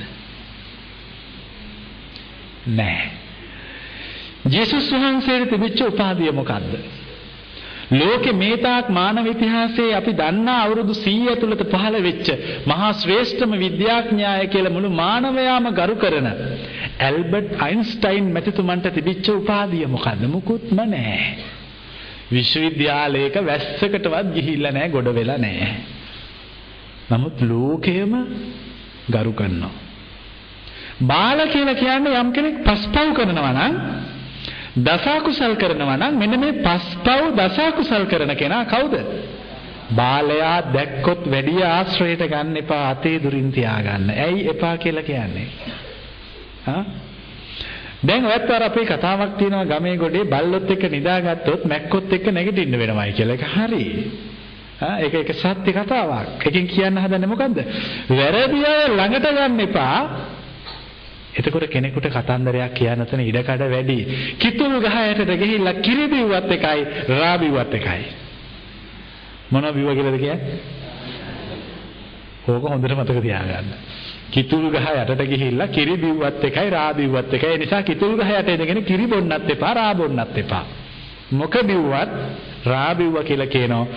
යම් කෙනෙක් Tamanට දැනුණත් Tamanගේ ආශ්‍රයයට නුසුදුසුයි කියලා අතේ දුරින් තියාගන්න. තරහ කරගන්නත් එපා. අතේ දුරින් තියාගන්න. හැබැයි කිසිම ආධ්‍යාත්මීය සම්බන්ධයක් තියාගන්න යන්නේ නැහැ. ඒ ආධ්‍යාත්මීය සම්බන්ධය තියාගන්න ගියාම එයාගේ කුණු ගොඩවල් ටික අපිට එකතු වෙන්න පුළුවන්. ඒ නිසා මේ මේ මේ ජීවත් වෙනකොට හරි පරිස්සමෙන් හරි පරිස්සමෙන් ජීවත් වෙන්න ඕන. දැන් බලන්න මේ ටික තේරුම් ගත්තම ඔයත්තන්ගේ ජීවිතය අද සම්පූර්ණයෙන් වෙනස් වෙනවා. මේ මංගල සූත්‍රය අහ ඇහුවාම මෙතෙක් කලක් ඇහුවා නෙමෙයි අද දැන් තේරුම අහනකොට තමයි තියෙන්නේ මේක කොච්චර ජීවිතේට අපිත් එක්කමයි මේක ජීවත් වෙන්නේ. මේ මේ සූත්‍රය. අපි ජීව අපි උපදිනකොට මේ සූත්‍රය අපිත් එක්ක උපදිනවා. අපි ජීවත් වෙනකොට අපිත් එක්ක ජීවත් වෙනවා. අපි මිය යනකොට අපිත් එක්කම මිය යනවා එනිසා මේක ජීවිතයට එකතු කරගන්න. පස්පව් දසකුසල් කරන අය බොහෝම දුනින් ආශ්‍රය කරන ළඟට ගන්න එපා. මොකද අපේ ජීවිතය ගැන අපි යම් විදියකින් පස්පව් දසකුසල් කරන්න අපි යොමු වුණොත් ඒකෙන් මොකද වෙන්නේ? අපි විශාල ආධ්‍යාත්මීය හානියක් අපිට කරගන්නවා. මොකද කරගන්න හානිය? වටිනා මනුස්ස ජීවිතේ බාල්දු කරගන්නවා. දැන් අපි නරක පස්පව් රස කුසල් කරන අය අපේ ජීවිතෙන් අපි අයින් කරා. ඒ වෙනුවට අපි මොකද කරන්නේ? ඈ? මොකද කරන්නේ? කවුද කවුද එකතු කරගන්නේ? දැන් අපි ඕනම දෙයක් අයින් කරනකොට තවත් කණ්ඩායමක් එකතු කරගන්න ඕන. පණ්ඩිතානංච සේවනා. පස්පව් නොකරන දස කුසල් නොකරන වැරදි නොකරන නරක දේවල් නොකරන අය සොය සොයා ගිහිල්ලා එකතු කරගන්නවා. සොයාගෙන යනවා. සමහර වෙලාවට හොඳ මිනිස්සු සොයන එක හරි අමාරුයි. ඔයත්තන්ගේ ජීවිතේ හොඳම හොඳ මිනිස්සු කී දෙනෙක් විතර ඔයත්තන්ට ජීවිත කාලෙදිම හමු වෙයිද? ගණනෙන් කියන්නේ. හොඳම හොඳ හිත තියෙන මිනිස්සු කී දෙනෙක් ඔයත්තන්ගේ ජීවිත කාලේ ඔයත්තන්ට හමු වෙයිද? ඈ? තුන් දෙනෙක් විතර. තව ගානක් කියන්න බලන්න. ඈ? වැඩිමුණොත් එක්කෙනෙක් නැත්තම් දෙන්නෙක්. මිනිස්සෙක් ජීවත් වෙන සම්පූර්ණ අවුරුදු 100කට ආසන්න ජීවිත කාලය ඇතුළතදී හොඳ හිත තියෙන මිනිස්සු එක්කෙනෙක් හෝ දෙන්නෙක් විතරයි හම්බ වෙන්නේ. හම්බෙන්නේ නැහැ. මොකද මේ හොඳ හිත තියෙන මිනිස්සු කියන්නේ? සමහර වෙලාවට හොඳ ඒ ඒ මිනිස්සයා ඔයත් ජීවිතය දකින්න එකම එක දවසයි. ඒ මිනිස්සයා කරන්නේ නැත්තන්ට මග පෙන්වන එක විතරයි. මෙන්න පාර. තමුසර කැමති නම් යන ඔන්න මං ගියා. එයා තමයි ජීවිතේ සම්පූර්ණයෙන්ම වෙනස් කරලා තියෙන්නේ. අපි ජීවිතේ අන්තිම කාලයට ඇවිල්ලා කල්පනා කරලා බැලුවාම මම කවුරු නිසාද වෙනස් වුනේ? හොයාගෙන හොයාගෙන හොයාගෙන යනකොට එක්කෙනෙක් ඉන්නවා. අන්න එයා තමයි කල්යාණ මිත්‍රයා. එයා තමයි පඬිතයා ඉතින් ඒ වගේ අය අහුවෙන්නේ එක්කෙනයි දෙන්නයිනේ නමුත් ඒ මෙහා හුඟක් සමාජයේ මිනිස්සු ඉන්න හොඳ අය. දැන් අපි අපි කරන්න ඕන හැමතිස්සෙම මොකද්ද? හොඳ මිනිස්සු හොයන්න ඕනේ. ඒක මේ මේ ඒක පරීක්ෂණයක් වගේ හැමදාම කරන්න ඕන. හොඳ මිනිස්සු ලේසියෙන් අහුවෙන්නේ නැහැ. සමහර වෙලාවට හොඳ මිනිස්සු අහුණාම ඒ හොඳ මිනිස්සු අපිට බැනලා එලවනවා. ගහලා පන්නනවා. ඒත් අපි අත්තරින්නේ අපි ගවේෂණය කරනවා. දැන් බලන්න ඔය අපේ දහමේ තියෙන සමහර ඔය සෙන් කතාවල තියෙන්නේ. හාමුදුරු කෙනෙක් යනවා සෙන් ආරාමයකට භාවනා කරන්න. ගිහින් ඉවරලා ඒ හාමුදුරුවෝ ලොකු හාමුදුරන්ගෙන් ගිහිල්ලා අහනවා මට සෙන් උගන්වන්න බැරිද? මට භාවනාව මට ධානයටපත් වෙන හැටි කියලා දෙන්න බැරිද? ගිහිල්ලා දෙවෙනි හාමුදුරන්ගෙන් අහන්න කියනවා. දෙවෙනි හාමුදුරන්ගෙන් අහන්න කියලා අන්න ගිහිල්ලා තුන්වෙනි හාමුදුරන්ගෙන් අහගන්න. ඕම ඔහොම හැම තැනම මේ හාමුදුරු අතර මම වෙලා වගේ ඇවිදිනවා. බැරි මෙතන මේ හාමුදුරු කල්පනා කරන මෙතන ඉඳලා ඉගෙන ගන්න හම්බෙන්නේ. හැබැයි අත්තරින්නේ නැහැ. දවසක් දානේ වළඳලා ඉවරලා ගිහිල්ලා ලොකු හාමුදුරන්ට කියනවා හාමුදුරුවනේ මට දැන්වත් සෙන් උගන්නන්න බැරිද? තමුසේ දානේ වරදල ඉවරද? එහෙනම් ගිහිල්ලා හොඳට පාත්‍රය හොදලා අරන් තියනවා. ඒ කියනකොටම සත්‍ය අවබෝධය වෙනවා. ඒක තමයි ඉගැන්වීම. අන්න ගුරුවරයා හම්බ වුණා. බලන්න. හොඳට කල්පනා කරන්න ඕන ඔය කතාවේ ඇත්ත තේරෙනවා. හරි ගැඹුරුයි. ඒ තමයි ගුරුවරයා. එයා තමයි ජීවිතේ වෙනස් කළා. සත්‍ය අවබෝධය කෙරෙව්වා. දැන් පළවෙනි දවසේම මේක කියලා දුන්නා නේද? එයා සත්‍ය අවබෝධය කරන්නේ අන්න පඬිතයා. දැන් බුද්ධිමත් මිනිස්සයා කල්පනා කරනවා මට පඬිතෙක් හම්බ වුණා. මට ආශ්‍රය කරන්න හොඳ කෙනෙක් අහු වුණා. ඔය හොඳ මිනිස්සු ඔය පඬිතයෝ කවදාකවත් මිනිසුන්ට වෛර කරන්නේ මිනිස්සු විනාශ කරන්නේ මිනිස්සු නැති කරන්නේ මිනිසුන්ට මඟ පෙන්වනවා. මිනිස්සුන්ට හරි පාර කියා දෙනවා. අන්න යා තමා සොය සොයා යන්න කොහොම හරි ගිහිලා ජීවිතේ එක්කෙනෙක් හරි දෙන්නෙක් හරි මැරෙන්න කලින් හොයාගන්න. හොයාගෙන සන්තෝෂින් මැරෙන්න පුළුවන්. මම්මගේ ජීවිතේ හොඳ මිනිස්සෙක් මට හම්බ වුණා කියලා. එතකොට බය නැතුව මරණයටපත් වෙන්න පුළුවන්. එහෙනම් දෙවෙනි මංගල කාරණේ මොකද්ද? ආ? හොඳ පඬිතයන් ඇසුරු කිරීම. තුන්වෙනි කාරණේ තමයි පූජාච පූජනීයාන. ඒ කිව්වේ? ඈ? ගරු කළ යුත්තාට ගරු කිරීම හොඳ ගුණයක්. ගරු කළ යුත්තාට ගරු කරන්න ඕන. කාටද ගරු කරන්න ඕනේ? ඈ? යම් මෙන්න මෙයාට ගරු කරන්න ඕන. සීල වෘද්ධ, ගුණ වෘද්ධ, තපෝ වෘද්ධ, ඥාන වෘද්ධ, වයෝ වෘද්ධ. ඔය පස් අයට ගරු කරන්න. සීල වෘද්ධ කියන්නේ සීලයෙන් තමුන්ට වඩා වයස නම් එයාට ගරු කළ යුතුයි. ගුණ වෘද්ධ කියන්නේ ගුණයෙන් තමුන්ට වඩා වැඩි නම් ගරු කළ යුතුයි. ඥාන වෘද්ධ කියන්නේ ඥාණයෙන් අවබෝධයෙන් තමුන්ට වඩා වැඩි නම් ගරු කළ යුතුයි. තපෝ වෘද්ධ සීලය කියන්නේ එකක් තපස කියන්නේ එකක්. තපෝ කියන වචනේ ලොකු තේරුමක් තියෙනවා. තපෝ කියලා කියන්නේ කෙලෙස් තැවීම. කෙලෙස් තවනවා නම් සිතින් පංච නීවරණ බැහැර කළ නිවනට පිවිසෙන උත්සාහ ගන්නව නම් අන්න එයාට ගරු කළ යුතුයි. වයෝ වෘද්ධ වයසින් වැඩි නම් ගරු කළ යුතුයි. හැබැයි ওই වයසින් වැඩි වෙච්ච පමණින්ම ගරු සත්කාර ලැබීමේ සුදුසුකමක් මේ කියලා බුදුදහම කියන්නේ ඒකනේ දැන් ඔයත් අවුරුදු 100ක් ගියත් මොකද්ද කරන්නේ? එදාම මහාන වෙච්ච කෙනෙකුට මදිනෝ. ඒ මොකකටද ඒ වඳින්නේ? සීල වෘද, ගුණ වෘද, තපෝ වෘද, ඥාන වෘද බව සලකා. වයෝ වෘද බව සලකලා නෙමෙයි. ඒ නිසා මේ සැලකීම, ගරු කිරීම බොහොම හොඳ ගුණයක්. අපි හැමෝටම ගරු කරන්න ඕනේ. කොයි වෙලාවකවත් හිතට මාන්නයක් ඇති කරගන්න ඕනේ නැහැ. පුළුවන් තරම් අනිත් අයට හිස නමන්න ඕනේ යටහත් පහත් වෙන්න ඕන.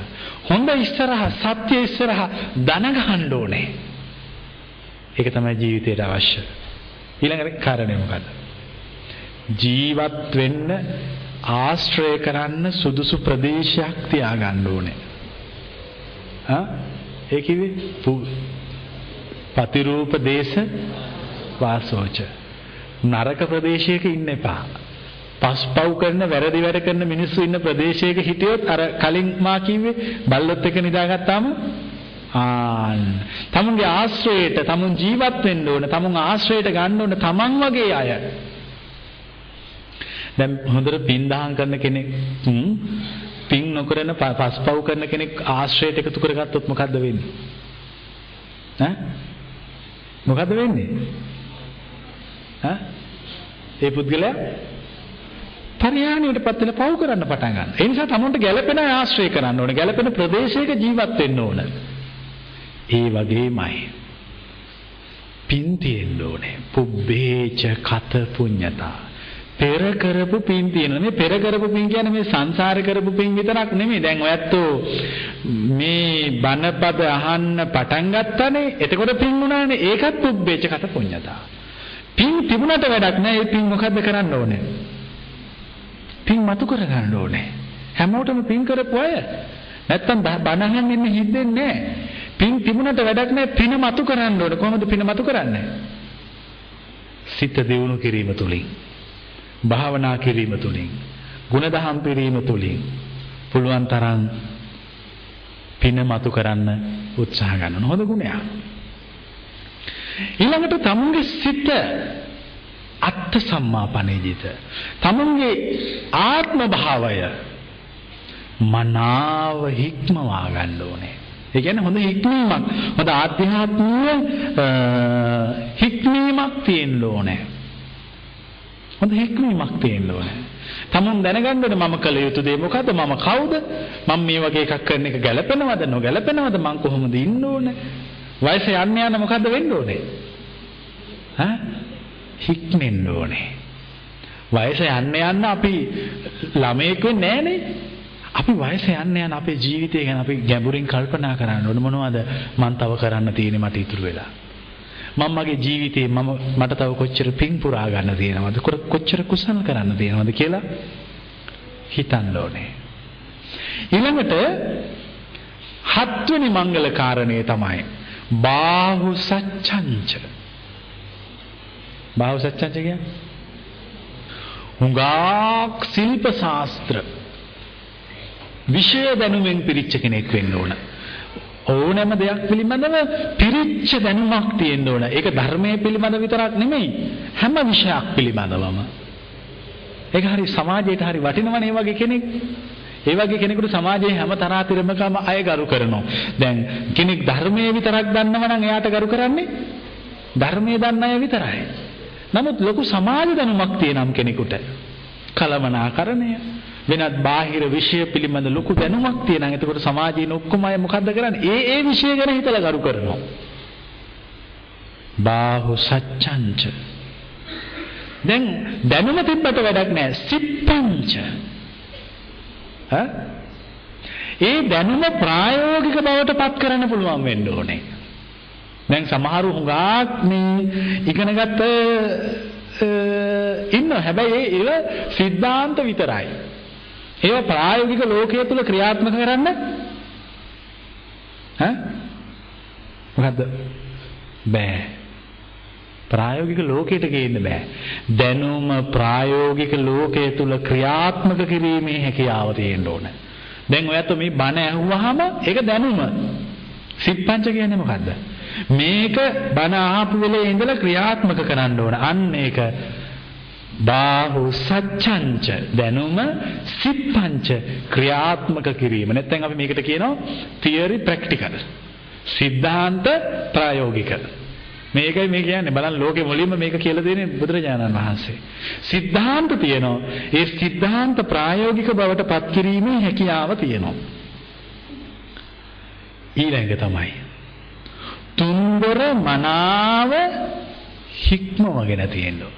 සුසික්කිතෝ කය හික්මවගෙන තියෙන්න ඕන බැලූ බැල්මටම දැන් භික්ෂුන් වහන්සේ කෙනෙකුගෙන් නම් තියෙන්න ඕනේ අප්පසන්නානම් පසාදාය පසන්නානම් බියෝ භාවාය නොපැහැදිච්ච කෙනෙක් දැක්ක ගමන් මොකද වෙන්න ඕන?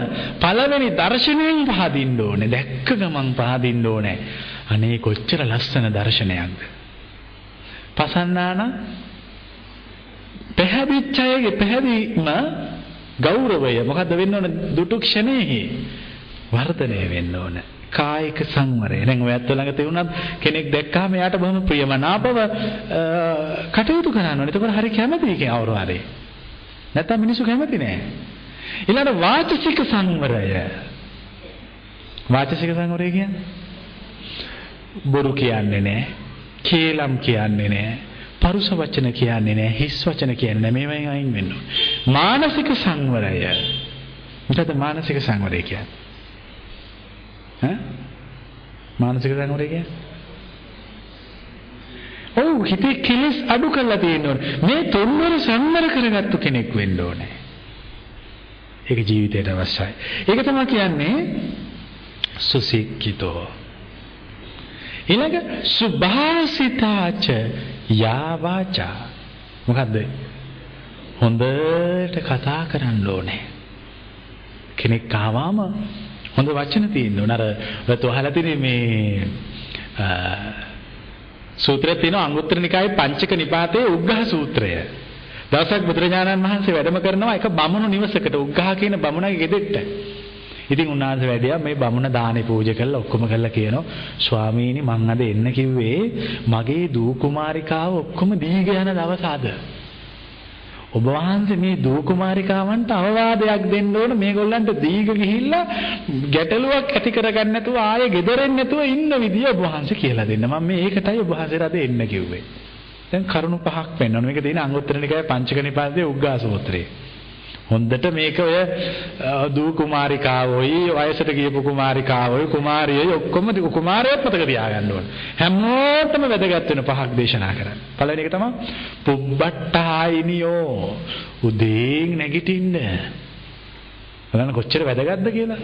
මේක මේ ළමයි හොඳට මතක තියාගන්න ඕනේ. මේ පහ ලියා ගන්න ඕනේ ගෙදර ගිහිල්ලා මේක කරන්න ඕනේ. පුබ්බට්ටායිනියෝ උදේ නැගිටින්න ඕනේ. නැත්තම් විවාහ වුණොත් විවාහය හරියන්නේ නැහැ.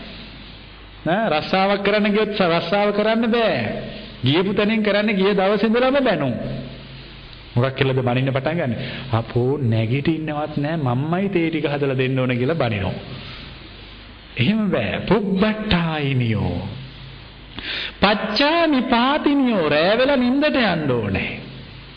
බලන්න ඔයත්තන්ගේ ජීවිතේ කොච්චර වැදගත්ද කියලා මේවා. කිංකාර පටිස්සාවිනියෝ කියනකම් ඉන්නේ නෑ. හොයලා වැඩ කරන්න ඕනේ. ගෙදර අතු ගානකම් කියනකම් ඉන්න ඕනේ නෑ. සොයලා අතු ගන්න ඕනේ. තමුන් සේවය කරන තැන වැඩ කරන තැන මේක වැඩේ කරන්න, මේක අතු ගන්න, මේක පිහිදාන්න, මේක ලියන්න කියනකම් ඉන්න අවශ්‍ය නෑ. හිතලා කරන්න ඕනේ. මනාපචාරිනියෝ ඊටාම ප්‍රියශීලී අන් අයගේ සිත් ගන්නා හැසිරීමක් තියෙන්න ඕනේ. පියවාදිනියෝ ඊටාමත්ම ප්‍රියශීලී වචන කතා කරන්න ඕනේ. ඔන්න පහ. හොඳට හැමෝම මතක තියාගන්න. බලන්න මේක මේ කුමාරිකාවකට විතරක් නෙමෙයි අද සමාජයේ ජීවත් වන ඕනම කෙනෙකුට ජීවිතේ හදාගන්න මේ පහ තිබුණොත් මදිද? ඇති.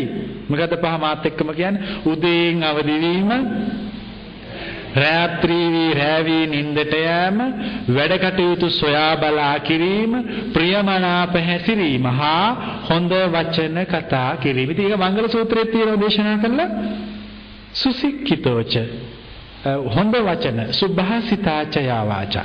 ඉතින් මේ හොඳ වචනෙට මේ ලෝකෙම යටත් ඔයත් කියවන්න අර ජාතක කතාවක තියෙනවා මේ හිටියා මහා ශක්තිවන්ත හරකෙක්. මේ හරකට එක සැරේට පුළුවන් කරත්ත 1000ක් අදින්න. ඉතින් දවසක් මේ මේ හරකා ළඟට ගියපු හරකගේ අයිතිකාරයා ඔට්ටුවක් ඇල්ලුවා. මොකද ඔට්ටු ඇල්ලුවේ මේ හරක කරත්ත 1000ක් අදිනවා 1000ක් ඇද්දොත් මට මසුරන් 1000ක් දෙන්න ඕන. අදින්න බැරි නම් මම 1000ක් දෙනවා. ඉතින් මේ ඔට්ටුව කරත්ත ටික ඔක්කොම බැඳලා මේ හරකගේ අයිතිකාර බමුණා හරක ළඟට ගිහිල්ලා වේවැල අරගෙන ගහලා යමන් කොටිය යමන් කියලා කිව්වා. හරක ගියේ නේ. ඔට්ටුවෙන් පෙරදුනා. ඊළඟ දවසේ බමුණ කල්පනා කළා මේ විදිහට හරක මෙල්ල කරන්න බෑ වෙන විදියක් හොයාගන්න ඕන. එදත් ඔට්ටුව ඇල්ලුවා. එදා 2000ක් ඔට්ටුව ඇල්ලලා.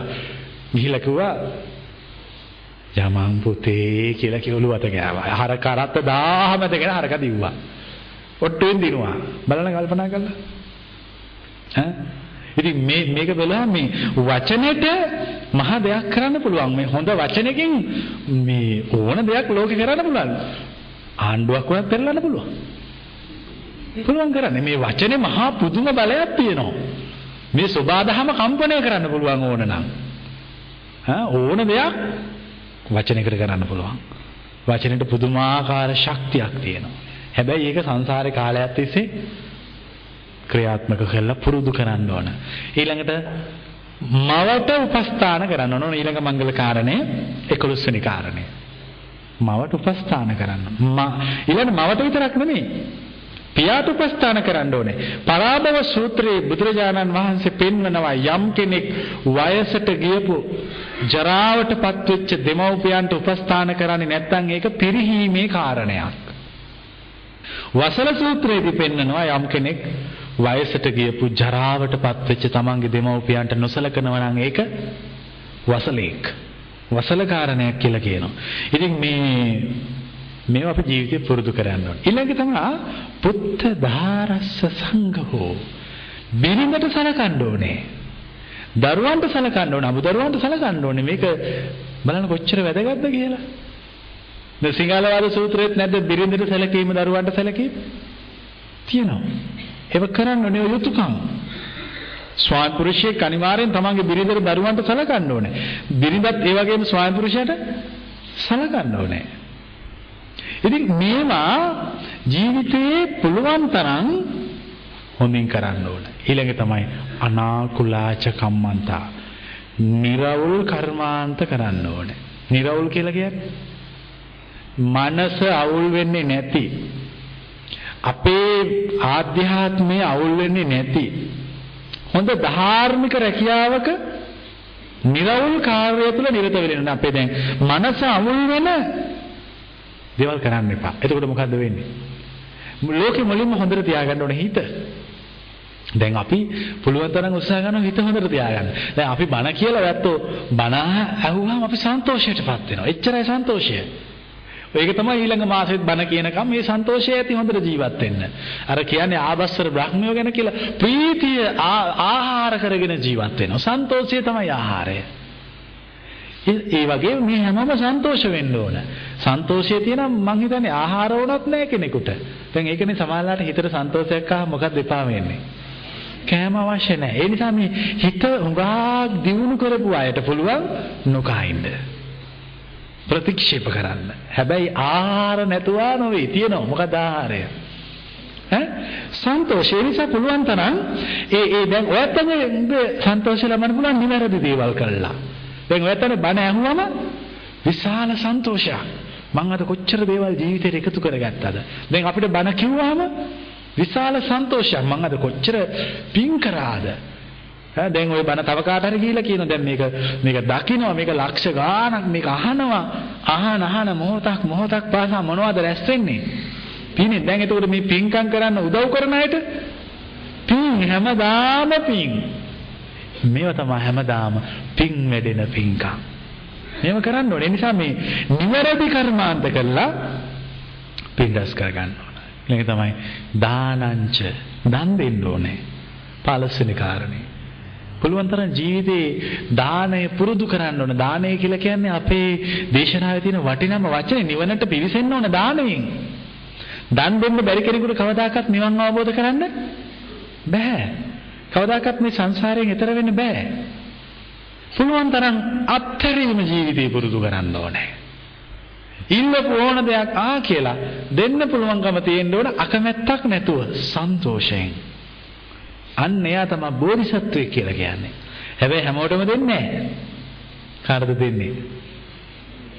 දිව යුත්තාට. අන්න ඒකත් ගුණයක්. දැන් සමහර ඉන්නෝ දන් දෙනවා. හැබැයි දීලා තියෙන වැඩක් නැති අයට. ඒක නෙමෙයි. දන් දෙනවා හරියට සොයලා කාටද දිව යුත්තේ? කවුද ලැබීමට සුදුස්සා? සොයලා දෙනවා. අන්න එතකොට සන්තෝ මේ දානය ජීවිතේ පුරුදු කරන්න ඕන. හැබැයි ඒකෙන් වැරදි අදහසක් ගන්න එපා. හාමුදුරුවෝ කිව්වනේ දන් දෙන්න එපා කියලා. නෑ. දෙන්න හැමෝටම වඩාත්ම පිං. දිව යුත්තේ කාටද කියලා සොයලා පූජා කරනවා නා.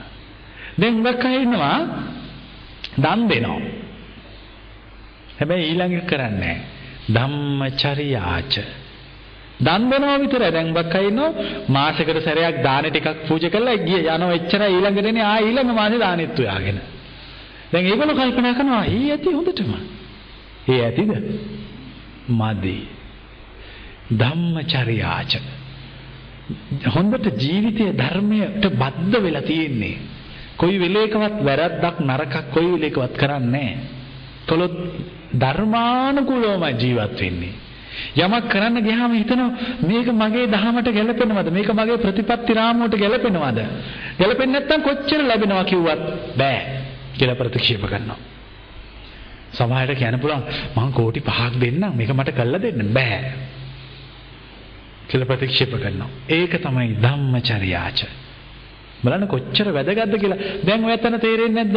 මෙතෙක් කලක් අපි සුබ නිමිති බල බල හිටියට වඩා වටින්නේ නැද්ද? මේ ටික ජීවිතේ තිබුණා ඈ? ඊළඟ තමයි ඥාතකානංච සංඝෝ. ඒ කිව්වේ මොකද්ද? ඥාතීන්ට සංග්‍රහ කරන්න ඕනේ. ඥාතීන්ට උදව් කරන්න ඕන. දුප්පත් ඥාතයෙක් ඉන්නවනම් එහෙම කෙනෙක් ඉන්නවනම් දැක්කහම තමුන්ට පුළුවන් විදිහට උදව් කරන්න ඕනේ මඟ පෙන්වන්න ඕන. ඥාතකානංච සංඝෝ. ඊළඟ ඈ? අනාකුලාච කම්මන්ත. මොකද්ද මේ අනවජ්ජානි කම්ම? මොකද අනවජ්ජානි කම්මානියකේ අනාකුලාච කම්මන්තයගේ වෙනස? දැන් මා කලින් කිව්වත්තන්ට නිරවුල් ධාර්මික ක්‍රියා. ඊට පස්සේ නැවත දැන් කියනවා නිවැරදි කටයුතු. ජීවත් වෙන්න ධාර්මික විදියට ජීවත් වෙන්න. ධාර්මික විදියට ජීවත් වෙන අතරේ සම්මා ආජීවය පුරුදු කරගන්න. අන්න ඒක තමයි දැන් බලන්න ටික ටික ටික ටික මේ එන්නේ කොහෙටද දැන් තේරෙනවා. මේ එන්නේ කොහෙටද දැන්? දැන් මේ පුංචි පුංචි දේවල් වලින් පටන් අරගෙන පටන් අරගෙන පටන් අරගෙන දැන් මේ අපිව ලොකු තැනකට අතින් අල්ලගෙන එක්කගෙන යනවා. මේ ආධ්‍යාත්මීය මඟ පෙන්වීම. නිවැරදි ක්‍රියාකාරකම් වල යෙදෙන්න ඕනේ. ආර්ය ශ්‍රායික මාර්ගය තුල යෙදෙන්න ඕනේ. ඒක තමයි ජීවිතේ වටින්නේ. ඊළඟ තමයි පව් නොකිරීම. ආරති විරති පාපා. පව් වලින් නිදහස් වෙන්න බලන්න ඕනේ. දැන් සංසාරේ පව් කළාද නැද්ද? ඈ? කරපු පව් කොච්චර තියෙනවද මතු නොවි හැංගිලා. පව් කළා තියෙන ඒකනේ විඳවන්නේ ජීවිතේ. සැරින් සැරේ විඳවන ඒව කරපු පව්. හැබැයි ආයෙ කරන්න යන්න එපා. පව් පව් බව තේරුම් ගත්තම පවින් අයින් වෙලා කුසල් පුරන්න පටන් ගන්න.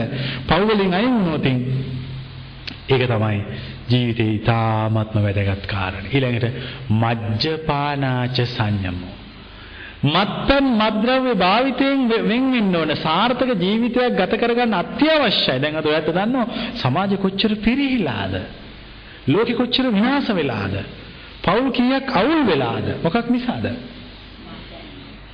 රට කොච්චර පිරිහිලාද?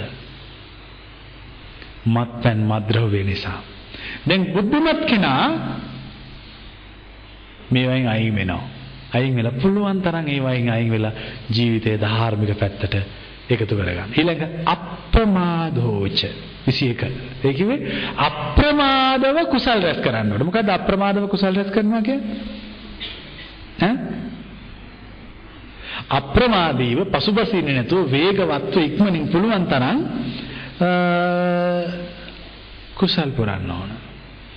ඊළඟට වැඩිහිටියන්ට ගරු කරන්න ඕන. සත්කාර කළ යුතු බුහුමන් කළ යුතු අයට බුහුමන් කරන්න ඕන ගාරවෝච. ගාරවෝච කියන්නේ ඒකයි. ඊළඟ තමයි නිහතමානී වෙන්න ඕනේ. නිවාතෝච. නිහතමානී වෙනවා කියන්නේ දැන් අපිට සමහර මේ පුංචි දේවල් ලැබුණම අපි හරියට ඒව ගැන හිතනවා. හිතලා හිස ඔළුව උදුම්ම ගන්නවා. ඒක මහා භයානකයි. අපායගාමී වෙන වැඩක්. ඔය ඕන තරම් දේවල් ලැබෙන්න අරින්න අපේ අපි බොහෝම විවේකී මනසින් මේවා කිසි දෙයක් ඇඟට ගන්නේ නැතුව බොහෝම නිදහසේ ජීවත් වෙනවා. නිහතමානී බව පුරුදු කරන්න ඕනේ. ඒක තමයි කියන්නේ දැන් කරණී සූත්‍රයේ තියෙනනේ අනතිමානී අනතිමානී කියන්නේ මොකද්ද? ඈ නිහතමානී සන්තුට්ටීච ඕක තමයි කාගේවත් ළඟ නැතිම ගුණේ ලැබිච්ච දෙයින් සතුටු වෙන්න ඕනේ. ඕක නෑනේ එකක් ලැබුණොත් හිතන්නේ නැද්ද අපෝ මේක මදි මේ මට මීට වඩා එකක් ලැබුණොත් හොඳයි කියලා? ඈ සන්තෝෂ වෙන්නේ නැහැ. හැමෝම කරන්නේ නොලැබිච්ච දේවල් ගැන හිත හිතා පසුතැවෙනවා. ලැබිච්ච දේවල් ගැන හිතලා සන්තෝෂ වෙන්නේ නෑ ඉතින් පුළුවන් තරම් ජීවිතේ මේ ලැබිච්ච දෙයින් සන්තෝෂ වෙන්න ඕන. කළගුණ සලකන්න ඕන. කෘතවේදී භාවය පුරුදු කරගන්න ඕන. Tamanට උදව්වක් කළා නම් ඒ උදව් කරපු ගැත්තේ කෙනා කොයි වෙලේ හරි මතක තියාගෙන ඉන්නවා. මතක තියාගෙන උදව් අවශ්‍ය වෙච්ච ගමන් ගිහිල්ලා උදව් කරන්න. නිකන් උදව් කරන්නේ අවශ්‍ය වෙලේ එනකන් බොහෝම නිහඬව බලාගෙන ඉන්නවා. අන්න කතඤ්ඤුතා කෘතවේදී භාවය. මේ කෘතවේදී භාවය ජීවිතයේ තියෙන. 26 වෙනි එක තමයි කාලේන ධම්ම සවණං. සුදුසු කාලය ආවම බණ අහන්න ඕනේ. මොකද සුදුසු කාලය? Tamanට විවේකයේ තියෙන හැම වෙලාවකම ජීවිතයේ අත්‍යවශ්‍ය දේවල් පුරුදු නොකරන හැම වෙලාවකම ධර්මයට යොමු වෙන්න ඕනේ. නැත්තම් ජීවිතේ පස්සේ පසුතැවෙන්න එපා. අනේ දැන් කරගන්න බෑ අපරාධේ කාලේ කර හොඳට හිටියා කරගත්තා නම් කොච්චර හොඳද කියලා පස්සේ පසුතැවෙන්න එපා. දැන් දැන් තරුණ කාලේ ගෙවෙන්න කලින් පුළුවන් තරම් හොඳ වැඩ කරන්න පුළුවන් තරම් පින් කරන්න පුළුවන් තරම් බණ අහලා ඊළඟ තමයි කාලේන ධම්ම සාකච්ඡා සුදුසු කාලයේදී ධර්මය සාකච්ඡා කරන්න ඕනේ. ඒ ධර්මය සාකච්ඡා කළා ඒ ධර්ම සාකච්ඡාව තුලින් මොකද කරන්න ඕනේ? ඈ ජීවිතය හදාගන්න. කන්ති ඉවසීම පුරුදු කරන්න ඕනේ. ඉවසන්න සුදුසු හැම තැනකදීම ඉවසන්න ඕන. සෝවචස්සතා. කීකරු වෙන්න ඕනේ. කවුරු වගේද? පුංචි ළමෙක් වගේ. කීකරු විය යුතු තැනදී පුංචි දැන් ඕන කෙනෙක් කීකරු නම් ඒ මනසේ හදන්න පුළුවන්. කොච්චර වයසට ගියත් කීකරු නම් කියන දේ අහනවා නම් එයාට නිවන් මඟ පෙන්වන්න පුළුවන්. අකීකරු නම් නිවන් මඟ පෙන්වන්න බෑ. ඒ නිසා කීකරුකම කන්ද සෝවචස්සතාව තියෙන්න ඕන. ඊළඟ සමනානංච දස්සන හැම වෙලාවකම කවුද දකින්න ඕනේ? භික්ෂුන් දකින්න ඕනේ. හැබැයි සමහරු කියනවා අපෝ උදේට දැක්කොත් එහෙම අසුබයි. එහෙම කියන්නේ නැද්ද? ආන්න කිය. ඒතකොට මම එහෙම දවසක් මහාන වෙන කලින් ඇයි ඔය උදේට දැක්කම අසුබ කොණ්ඩේ නෑ ඒකයි. කොණ්ඩේ නැතිලු. එතකොට තට්ටේ තියෙන අය දැක්කත් ඒත් ඒකමයි සිතේ. ඈ දැන් මේවා කොතනින් ආපු ඒවද? ඈ මේවා ඔක්කොම බමුණන්ගේ මත ආයේ කියනවා ගමනක් යනකොට දැක්කොත් ඉවරයි. හරිද වැරදිද? හරි. මොන ගමන් යනකොටද? මිනි මරන්න යනකොට. හොරකම් කරන්න යනකොට. සත්තු මරන්න යනකොට දැකලා යන්න එපා. දැක්කොත් වගතුවක් නැහැ එකක්වත් හරියන්නේ නැහැ ඒවා හරියන්නේ නැහැ ඒකනේ කෝක කියන සුනක වැද්දට උනේ. සත්තු මරන්න ගියා කවුද ඉස්සරහට හම්බ උනේ හාමුදුරු කෙනෙක් එක සතෙක්වත් හම්බ වුණේ හරි. හැබැයි සුබ ගමනක් යනවා නම් දැකලා යන්න ඕනේ කවුද? ආ? හාමුදුරුව දැකලා යන්න හරියටම හරියනවා. දැන් ඔන්න ඔයත් සුබ ගමනක් කරනවා මම මේ කියන එක හොඳට හිතන්න. සුබ ගමනක් යනකොට ඔයත් අහනවා මේ ඉස්සරහ ගෙදර මිනිස්සු ඇවිල්ලා අහනවා කොහෙද යන්නේ? ඒතර කියනවා මම මේ අහවල් වැඩේට යනවා. එයා හදවතින් ආශිර්වාද කරනවද නැද්ද? අල්ලපු ගෙදර මිනිස්සු? ඈ? හොඳ සුබ ගමන කරන් හදවතින් බොහෝ වෙලාවට ආශිර්වාද කරයිද? ඇත්තම කියන්න. නැහැ. එයා හිතන අපෝ ඕක හරි ගිහිල්ලා ඕගොල්ලෝ අපිට වඩා ඉහළට ගියොත් මහා විනාශයක් වෙන්නේ. ඕක විනාශම වෙන්න ඕනේ. හිතන්නේ නැද්ද? දැන් ඔන්න හාමුදුරුවෝ එනවා. එතකොට අහනවා කොහෙද යන්නේ? අනේ හාමුදුරුවනේ අද රස්සාවක් හම්බ වෙනවනේ. මොකද්ද හිතන්නේ? හරියන්න ඕනේ. පවුනේ අහිංසකයනේ. දැන් බලන්න දැන් ඔයත්තන්ට මේ වැරදිච්ච එක මම කියා දෙන්නේ. දැන් සැබෑම ආශිර්වාදය ගන්න ඕනේ කාගෙන්ද? වික්ෂුන් වහන්සේ කෙනෙක්ගේ. ත්‍රිපිටකය කියවන්න මහා පරිනිබ්බාන සූත්‍රයේ තියෙනවා සුනීද වස්සකාර කියලා ඇමතිවරු දෙදෙනෙක් නගරයක් හදනවා. හදලා ඇවිල්ලා මොකක්ද දනවද මුලින්ම කියන්නේ? ස්වාමීනි, අපි නගරයක් හැදුවා. ඔබ වහන්සේ මුලින්ම මේ නගරයට වඩින්න ඕනේ. ඔබ වහන්සේ ඇවිල්ලා මේ නගරයට ඇතුල් වුණාම ඒම ඇති අපිට. ඒකම අපිට ආශිර්වාදයක්.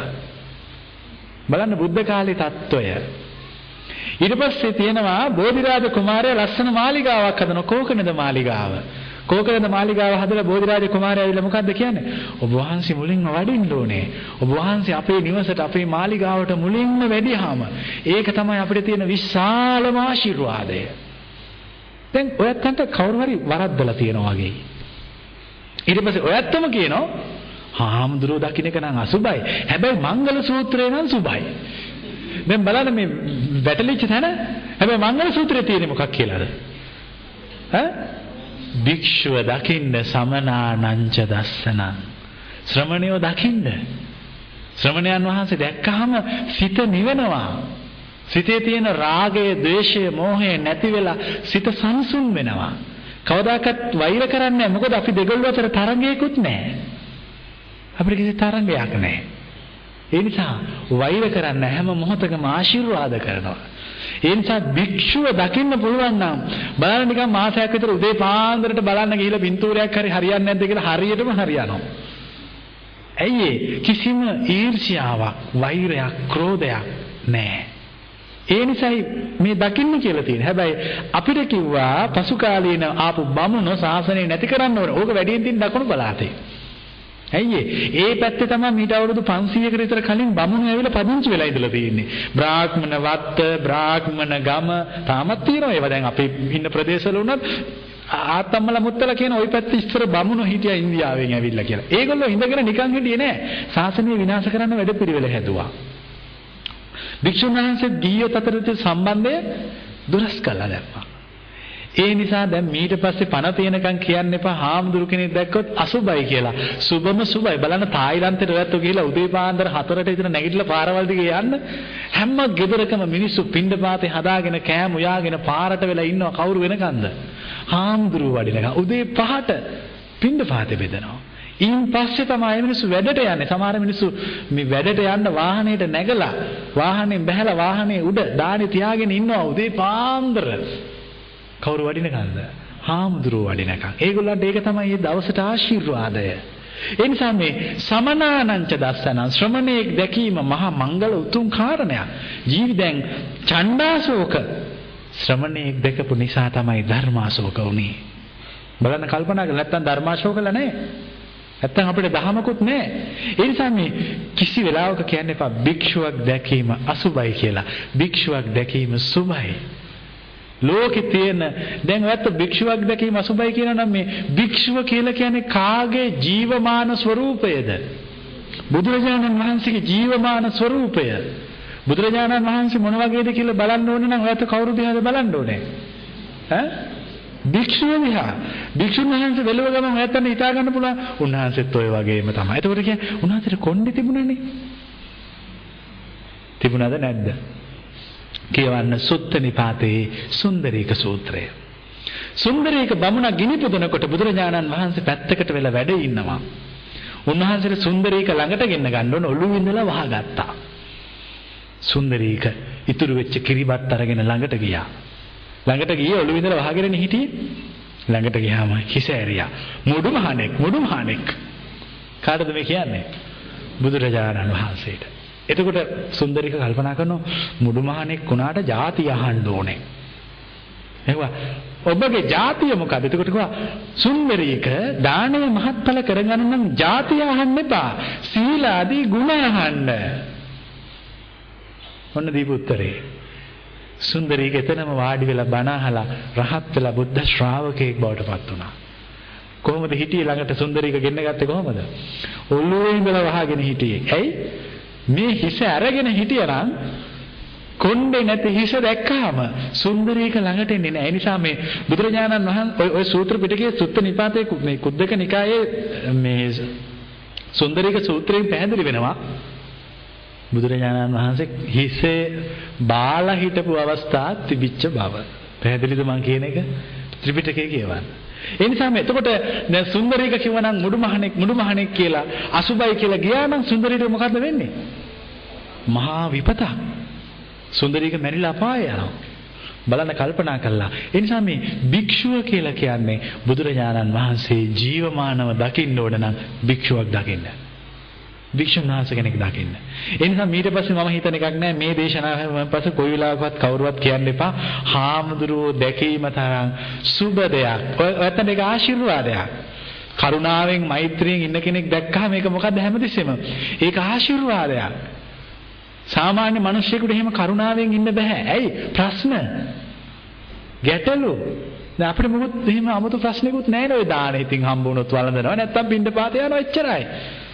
එච්චරයි ඒකට ක්‍රමයක් කියා දීලා තියෙන්නේ. ඉතින් ඔච්චරනේ අවශ්‍යතාවය. ඒ නිසා හරි සැහැල්ලුයි, සරලයි. ලොකු බලාපොරොත්තු, ලොකු ප්‍රාර්ථනා ආවවත් මොකක්වත් නැහැ. ලැබෙන විදියකට හිටියා. ඉතින් ඒ නිසා මේ භික්ෂුව දකින්නවා කියන එක ඊට පස්සේ කියන්න එපා නරක අසුබ දෙයක් කියලා. එහෙම කිව්වොත් ඒක ඔයත්තන්ට ඈ දැන් ඊළඟට අපි අර කලින් කියපු ධර්ම සාකච්ඡා. භික්ෂුව දැක්කට විතරක්මද දැන් සමහර අය දැන් මට මතකයි මම ඉස්සර දවසක බණ කියන්න ගියාම විශාල පෙරහැරක් තිබුණා. මම පෙරහැරේ ගිහිල්ලා බණ කියන්න බැලුවම කවුරුවත් නැහැ. මම ඇයි මේ හාමුදුරනේ පෙරහැරේ ගිහිල්ලා මිනිස්සුන්ට අමාරුයි ඊවල් වල ගිහිල්ලා? කිව්වා. දැන් දැකලා ගියාට මදි. බණ අහලා ධර්ම සාකච්ඡා කරන්න ඕනේ. සූත්‍ර පිටකේ හුඟක් සූත්‍රවල බුදුරජාණන් වහන්සේ පෙන්නවා භික්ෂුව දැක්කට මදි. සාකච්ඡා කරන්න ඕනේ විමසන්න ඕන ප්‍රශ්න निराකරණය කරගන්න ඕනේ. ඒ ප්‍රශ්න निराකරණය කරගත්තොත් තමයි ඒක ජීවිතයට අවශ්‍ය කරන්නේ. ඊළඟට තපෝ. තපෝ කියන්නේ තපස. තපස කියන්නේ කෙලස් තැවීම. හිතේ තියෙන රාග, ද්වේෂ, මෝහ කියන කෙලස් නැති කරන්න භාවනාව පුරුදු කරන්න ඕන.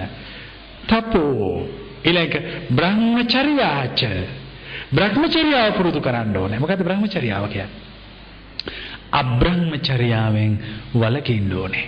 ඒක ජීවිතේ ගිහියෙක් නම් උපෝසත පොය දවසටවත් සමාදන් වෙලා රකින්න ඕනේ. අබ්‍රහ්මචර්යාව තමයි මේ මානව සමාජයේ මිනිස්සුන්ගේ ආධ්‍යාත්මයේ තියෙන ශක්තිය එළියට මතු කරලා ගන්නෙ. නැති කෙනෙකුට කවදාකවත් මතු කරන්න බෑ. ඒ නිසා ඒක ජීවිතේ පුරුදු බ්‍රහ්මචර්යාච. බ්‍රහ්මචර්යාව ජීවිතේ පුරුදු කරන්න ඕන. ඊළඟට අරිය සත්‍යාන දස්සනං චතුරාර්ය සත්‍ය දකින්න ඕනේ. දැන් බලන්න අසේවනාච බාලාණන් වලින් ඉඳලා ආපු තැන චතුරාර්ය දුක්ඛ සත්‍ය, සමුදය සත්‍ය, නිරෝධ සත්‍ය, මාර්ග සත්‍ය කියන මේවා ජීවිතය තුළ දැකලා අවබෝධ කරගන්න ඕනේ. මේක අවබෝධ කරගත්තොත් තමයි ජීවිතේ සසර දුකින් නිදහස් වෙන්නේ. නිබ්බාන සච්චි කිරියාච. නිවන අවබෝධ කරගන්න උත්සාහ ගන්න ඕනේ. මෙන්න මේ නිවන අවබෝධ කරගන්න උත්සාහ ගන්න ආර්ය ශ්‍රාවකයා පුට්ටස්ස ලෝක ධම්මේහි චිත්තං යස්සන කම්පති. ලාභ අලාභ යසායස නිന്ദා ප්‍රශංසා කියන මේවට ගණන් ගන්නෙවත් නෑ මේව දිහා. ඇහැරලා බලන්නෙවත් නෑ. අත්තරලා දානවා. අශෝකං ශෝකේ නැති කරන්න උත්සාහ ගන්න ඕන. විරජං හිතේ තියෙන කෙලෙස් රජස් නැති කරන්න උත්සාහ ගන්න ඕන. කේමං සිත ෂේම තත්වයට නිර්වාණයට පත් කරලා උතුම් නිර්වාණ අවබෝධය කරන්න ඕනේ. දැන් බලන්න කල්පනා කළා මේ දේශනාව බැලුවම මම ඔයත්තන්ට මුලින් කියපු කරුණු ආයෙ ඔප්පුනේ නැද්ද? ඈ කොතනින්ද දේශනාව පටන් ගත්තේ කොතනින්ද ඉවර වුනේ? පුංචි කාරණයකින් පටන් අරගෙන නිර්වාණයෙන් අවසන් කළා. ඔන්න ඔය 38 තමයි කෙනෙකුගේ ජීවිතය හරිමඟ ගෙනියන මංගල කාරණා 38. ඔය 38 තමයි බෞද්ධයෙකුට දකින්න පුළුවන් සුබ නිමිති 38. ඔයින් එහා සුබ නිමිත්තක් නැහැ. ඔයින් එහා තියෙන සියලුම නිමිති මේ 38න් පල්ලෙහා. එහෙනම් දැන් අපි සාමාන්‍ය ජීවිතය දකින පොන් කලා සුනෙලුම් මර ඔය සුබ නිමිති කියන ඔක්කොම කොතනින් පල්ලෙහාද? මේ 38න් පල්ලෙහා. මේ 38න් ගාම පල්ලෙහා. ඒ ඒ නිසා දැන් අපි උත්තර ගන්නවා අපේ ජීවිතේ මොකක් කරන්නේ? මේ 38 දැකලා ජීවිතේ වාසනාවන්ත කරගෙන සෑම මංගල කාරණා දකින්න ඔය ප්‍රථම දෙනාටම ශක්තිය ලැබේවා. මේ රැස්කරගත්තා වූ සීල කුසල ශක්තිය සීල දෙවියන්ට මේ හැම දෙනාටම මතු බුදුවන උතුම් මෙස්මම බෝසතාණන් වහන්සේට අපිට නිවන් අවබෝධයේ පිණිස පාරමිතාවක්ම වේවා.